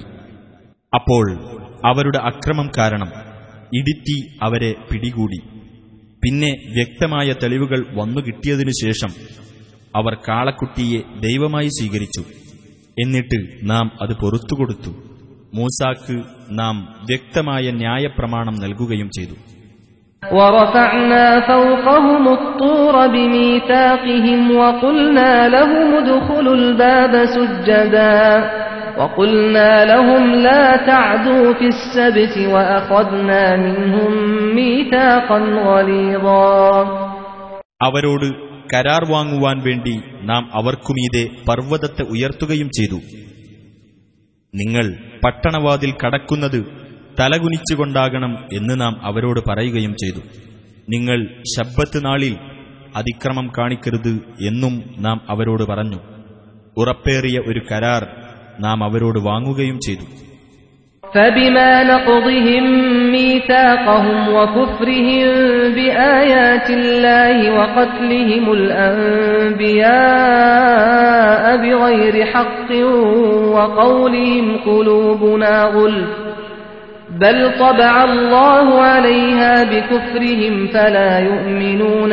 إلا قليلا എന്നിട്ട് അവർ കരാർ ലംഘിച്ചതിനാലും അള്ളാഹുവിന്റെ ദൃഷ്ടാന്തങ്ങൾ നിഷേധിച്ചതിനാലും അന്യായമായി പ്രവാചകന്മാരെ കൊലപ്പെടുത്തിയതിനാലും തങ്ങളുടെ മനസ്സുകൾ അടഞ്ഞുകിടക്കുകയാണ് എന്ന് അവർ പറഞ്ഞതിനാലും അവർ ശപിക്കപ്പെട്ടിരിക്കുന്നു തന്നെയുമല്ല അവരുടെ സത്യനിഷേധം കാരണമായി അള്ളാഹു ആ മനസ്സുകളുടെ മേൽ മുദ്രകുത്തിയിരിക്കുകയാണ് ആകയാൽ ചുരുക്കത്തിലല്ലാതെ അവർ വിശ്വസിക്കുകയില്ല وبكفرهم وقولهم على مريم بهتانا عظيما അവരുടെ സത്യനിഷേധം കാരണമായും മറിയമിന്റെ പേരിൽ അവർ ഗുരുതരമായ അപവാദം പറഞ്ഞതിനാലും وقولهم إنا قتلنا المسيح عيسى ابن مريم رسول الله وما قتلوه وما صلبوه ولكن شبه لهم وإن الذين اختلفوا فيه لفي شك منه ما لهم به من علم إلا اتباع الظن وما قتلوه يقينا അള്ളാഹുവിന്റെ ദൂതനായ മറിയമിന്റെ മകൻ മസീഹ് ഈസായെ ഞങ്ങൾ കൊന്നിരിക്കുന്നു എന്നവർ പറഞ്ഞതിനാലും അവർ ശപിക്കപ്പെട്ടിരിക്കുന്നു. വാസ്തവത്തിൽ അദ്ദേഹത്തെ അവർ കൊലപ്പെടുത്തിയിട്ടുമില്ല ക്രൂശിച്ചിട്ടുമില്ല. പക്ഷേ യാഥാർത്ഥ്യം അവർക്ക് തിരിച്ചറിയാതാവുകയാണുണ്ടായത്. തീർച്ചയായും അദ്ദേഹത്തിന്റെ കാര്യത്തിൽ ഭിന്നിച്ചവർ അതിനെപ്പറ്റി സംശയത്തിൽ തന്നെയാകുന്നു. ഊഹാപോഹത്തെ പിന്തുടരുന്നതല്ലാതെ അവർക്ക് അക്കാര്യത്തെപ്പറ്റി യാതൊരു അറിവുമില്ല. ഉറപ്പായും അദ്ദേഹത്തെ അവർ കുലപ്പെടുത്തിയിട്ടില്ല.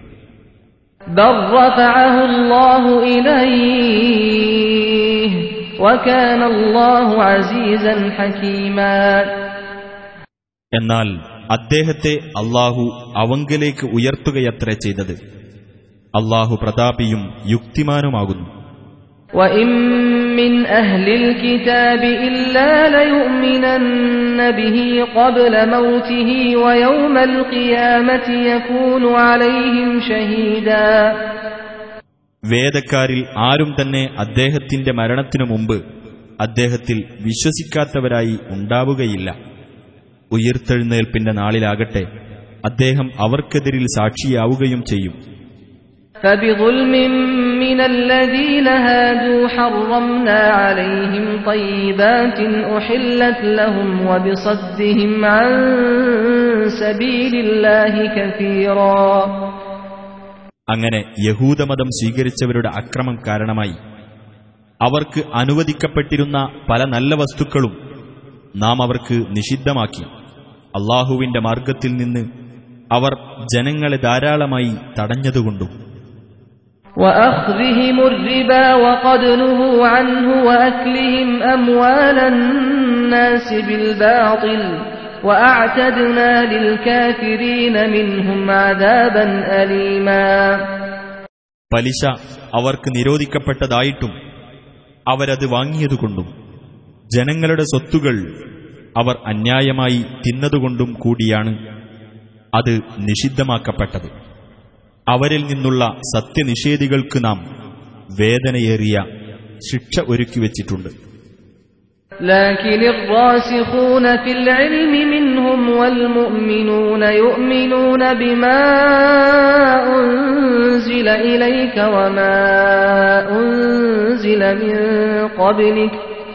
والمقيمين الصلاة والمؤتون الزكاة والمؤمنون بالله واليوم الآخر أولئك سنؤتيهم أجرا عظيما എന്നാൽ അവരിൽ നിന്ന് അടിയുറച്ച അറിവുള്ളവരും സത്യവിശ്വാസികളുമായിട്ടുള്ളവർ നിനക്ക് അവതരിപ്പിക്കപ്പെട്ടതിലും നിനക്ക് മുമ്പ് അവതരിപ്പിക്കപ്പെട്ടതിലും വിശ്വസിക്കുന്നു പ്രാർത്ഥന മുറ പോലെ നിർവഹിക്കുന്നവരും ജക്കാത്ത് നൽകുന്നവരും അള്ളാഹുവിലും അന്ത്യദിനത്തിലും വിശ്വസിക്കുന്നവരുമത്രേ അവർ. അങ്ങനെയുള്ളവർക്ക് നാം മഹത്തായ പ്രതിഫലം നൽകുന്നതാണ്. ഇന്ന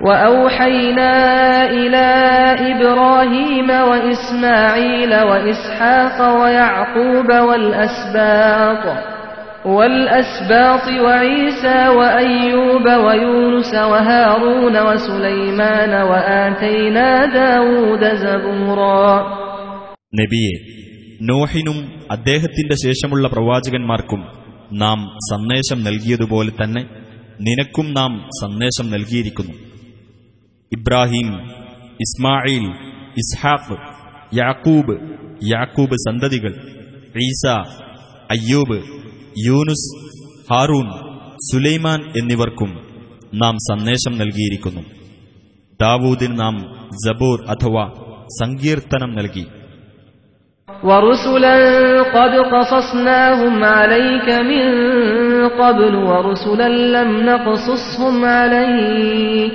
وكلم الله موسى تكليما നിനക്ക് നാം മുമ്പ് വിവരിച്ചു തന്നിട്ടുള്ള ദൂതന്മാരെയും നിനക്ക് നാം വിവരിച്ചു തന്നിട്ടില്ലാത്ത ദൂതന്മാരെയും നാം നിയോഗിക്കുകയുണ്ടായി മൂസായോട് അള്ളാഹു നേരിട്ട് സംസാരിക്കുകയും ചെയ്തു رسلا مبشرين ومنذرين لئلا يكون للناس على الله حجة بعد الرسل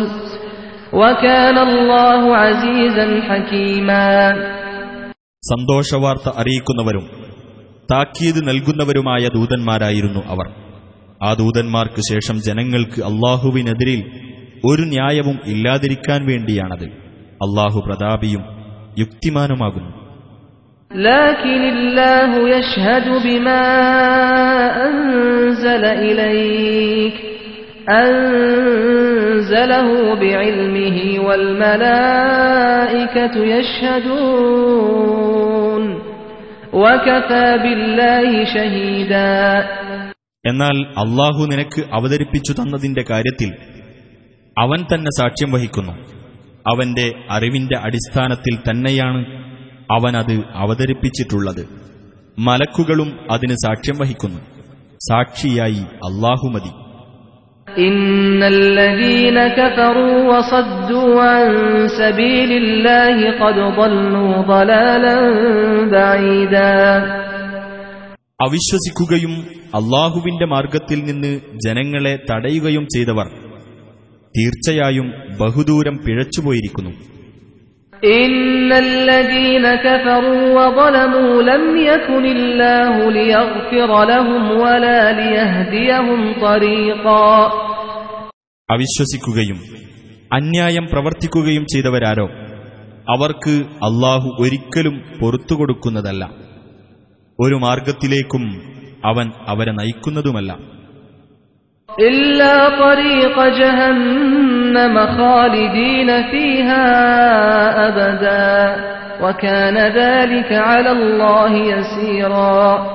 നരകത്തിന്റെ മാർഗത്തിലേക്കല്ലാതെ എന്നേക്കുമായി അവരതിൽ സ്ഥിരവാസികളായിരിക്കും അള്ളാഹുവിന് അത് എളുപ്പമുള്ള കാര്യമാകുന്നു يا أيها الناس قد جاءكم الرسول بالحق من ربكم فآمنوا خيرا لكم وإن تكفروا فإن لله ما في السماوات والأرض وكان الله عليما حكيما ജനങ്ങളെ നിങ്ങളുടെ രക്ഷിതാവിങ്കിൽ നിന്നുള്ള സത്യവുമായി നിങ്ങളുടെ അടുക്കലിതാ റസൂൽ വന്നിരിക്കുന്നു അതിനാൽ നിങ്ങളുടെ നന്മക്കായി നിങ്ങൾ വിശ്വസിക്കുക നിങ്ങൾ നിഷേധിക്കുകയാണെങ്കിലോ ആകാശങ്ങളിലും ഭൂമിയിലുമുള്ളതെല്ലാം അള്ളാഹുവിൻ്റെതാണ് എന്ന് നിങ്ങൾ ഓർത്തുകൊള്ളുക അള്ളാഹു എല്ലാം അറിയുന്നവനും യുക്തിമാനുമാകുന്നു يا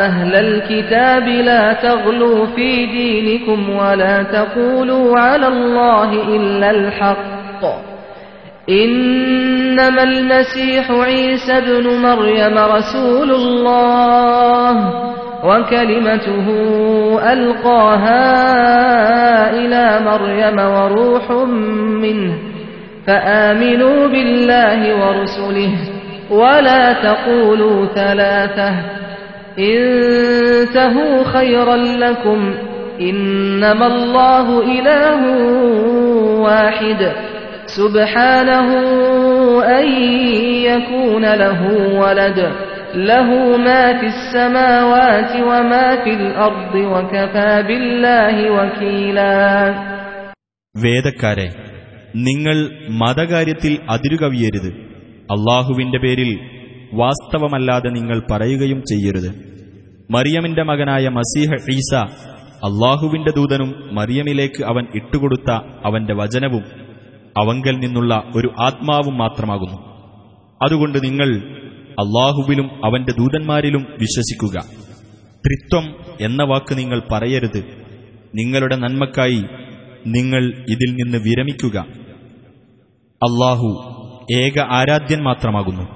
തനിക്ക് ഒരു സന്താനമുണ്ടായിരിക്കുക എന്നതിൽ നിന്ന് അവൻ എത്രയോ പരിശുദ്ധനത്രേ. ആകാശങ്ങളിലുള്ളതും ഭൂമിയിലുള്ളതുമെല്ലാം അവന്റേതാകുന്നു. കൈകാര്യകർത്താവായി അള്ളാഹു തന്നെ മതി. لن يستنكف المسيح أن يكون عبدا لله ولا الملائكة المقربون ومن يستنكف عن عبادته ويستكبر فسيحشرهم إليه جميعا അള്ളാഹുവിന്റെ അടിമയായിരിക്കുന്നതിൽ മസീഹ് ഒരിക്കലും വൈമനസ്യം കാണിക്കുന്നതല്ല അള്ളാഹുവിന്റെ സാമീപ്യം സിദ്ധിച്ച മലക്കുകളും വൈമനസ്യം കാണിക്കുന്നതല്ല അള്ളാഹുവെ ആരാധിക്കുന്നതിൽ ആർ വൈമനസ്യം കാണിക്കുകയും അഹംഭാവം നടിക്കുകയും ചെയ്യുന്നുവോ അവരെ മുഴുവനും അവൻ തന്റെ അടുക്കലേക്ക് ഒരുമിച്ച് കൂട്ടുന്നതാണ് فأما الذين آمنوا وعملوا الصالحات فيوفيهم أجورهم ويزيدهم من فضله وأما الذين استنكفوا واستكبروا فيعذبهم عذابا أليما فيعذبهم عذابا أليما ولا يجدون لهم من دون الله وليا ولا نصيرا എന്നാൽ വിശ്വസിക്കുകയും സൽക്കർമ്മങ്ങൾ പ്രവർത്തിക്കുകയും ചെയ്തത് ആരോ അവരുടേതായ പ്രതിഫലം അവർക്കവൻ നിറവേറ്റിക്കൊടുക്കുകയും അവന്റെ അനുഗ്രഹത്തിൽ നിന്ന് കൂടുതലായി അവർക്ക് നൽകുകയും ചെയ്യുന്നതാണ്. എന്നാൽ വൈമനസ്യം കാണിക്കുകയും അഹങ്കരിക്കുകയും ചെയ്തവരാരോ? അവർക്കവൻ വേദനയേറിയ ശിക്ഷ നൽകുന്നതാണ്. അള്ളാഹുവെ കൂടാതെ തങ്ങൾക്ക് ഒരു ഉറ്റമിത്രത്തെയോ സഹായിയെയോ അവർ കണ്ടെത്തുകയുമില്ല.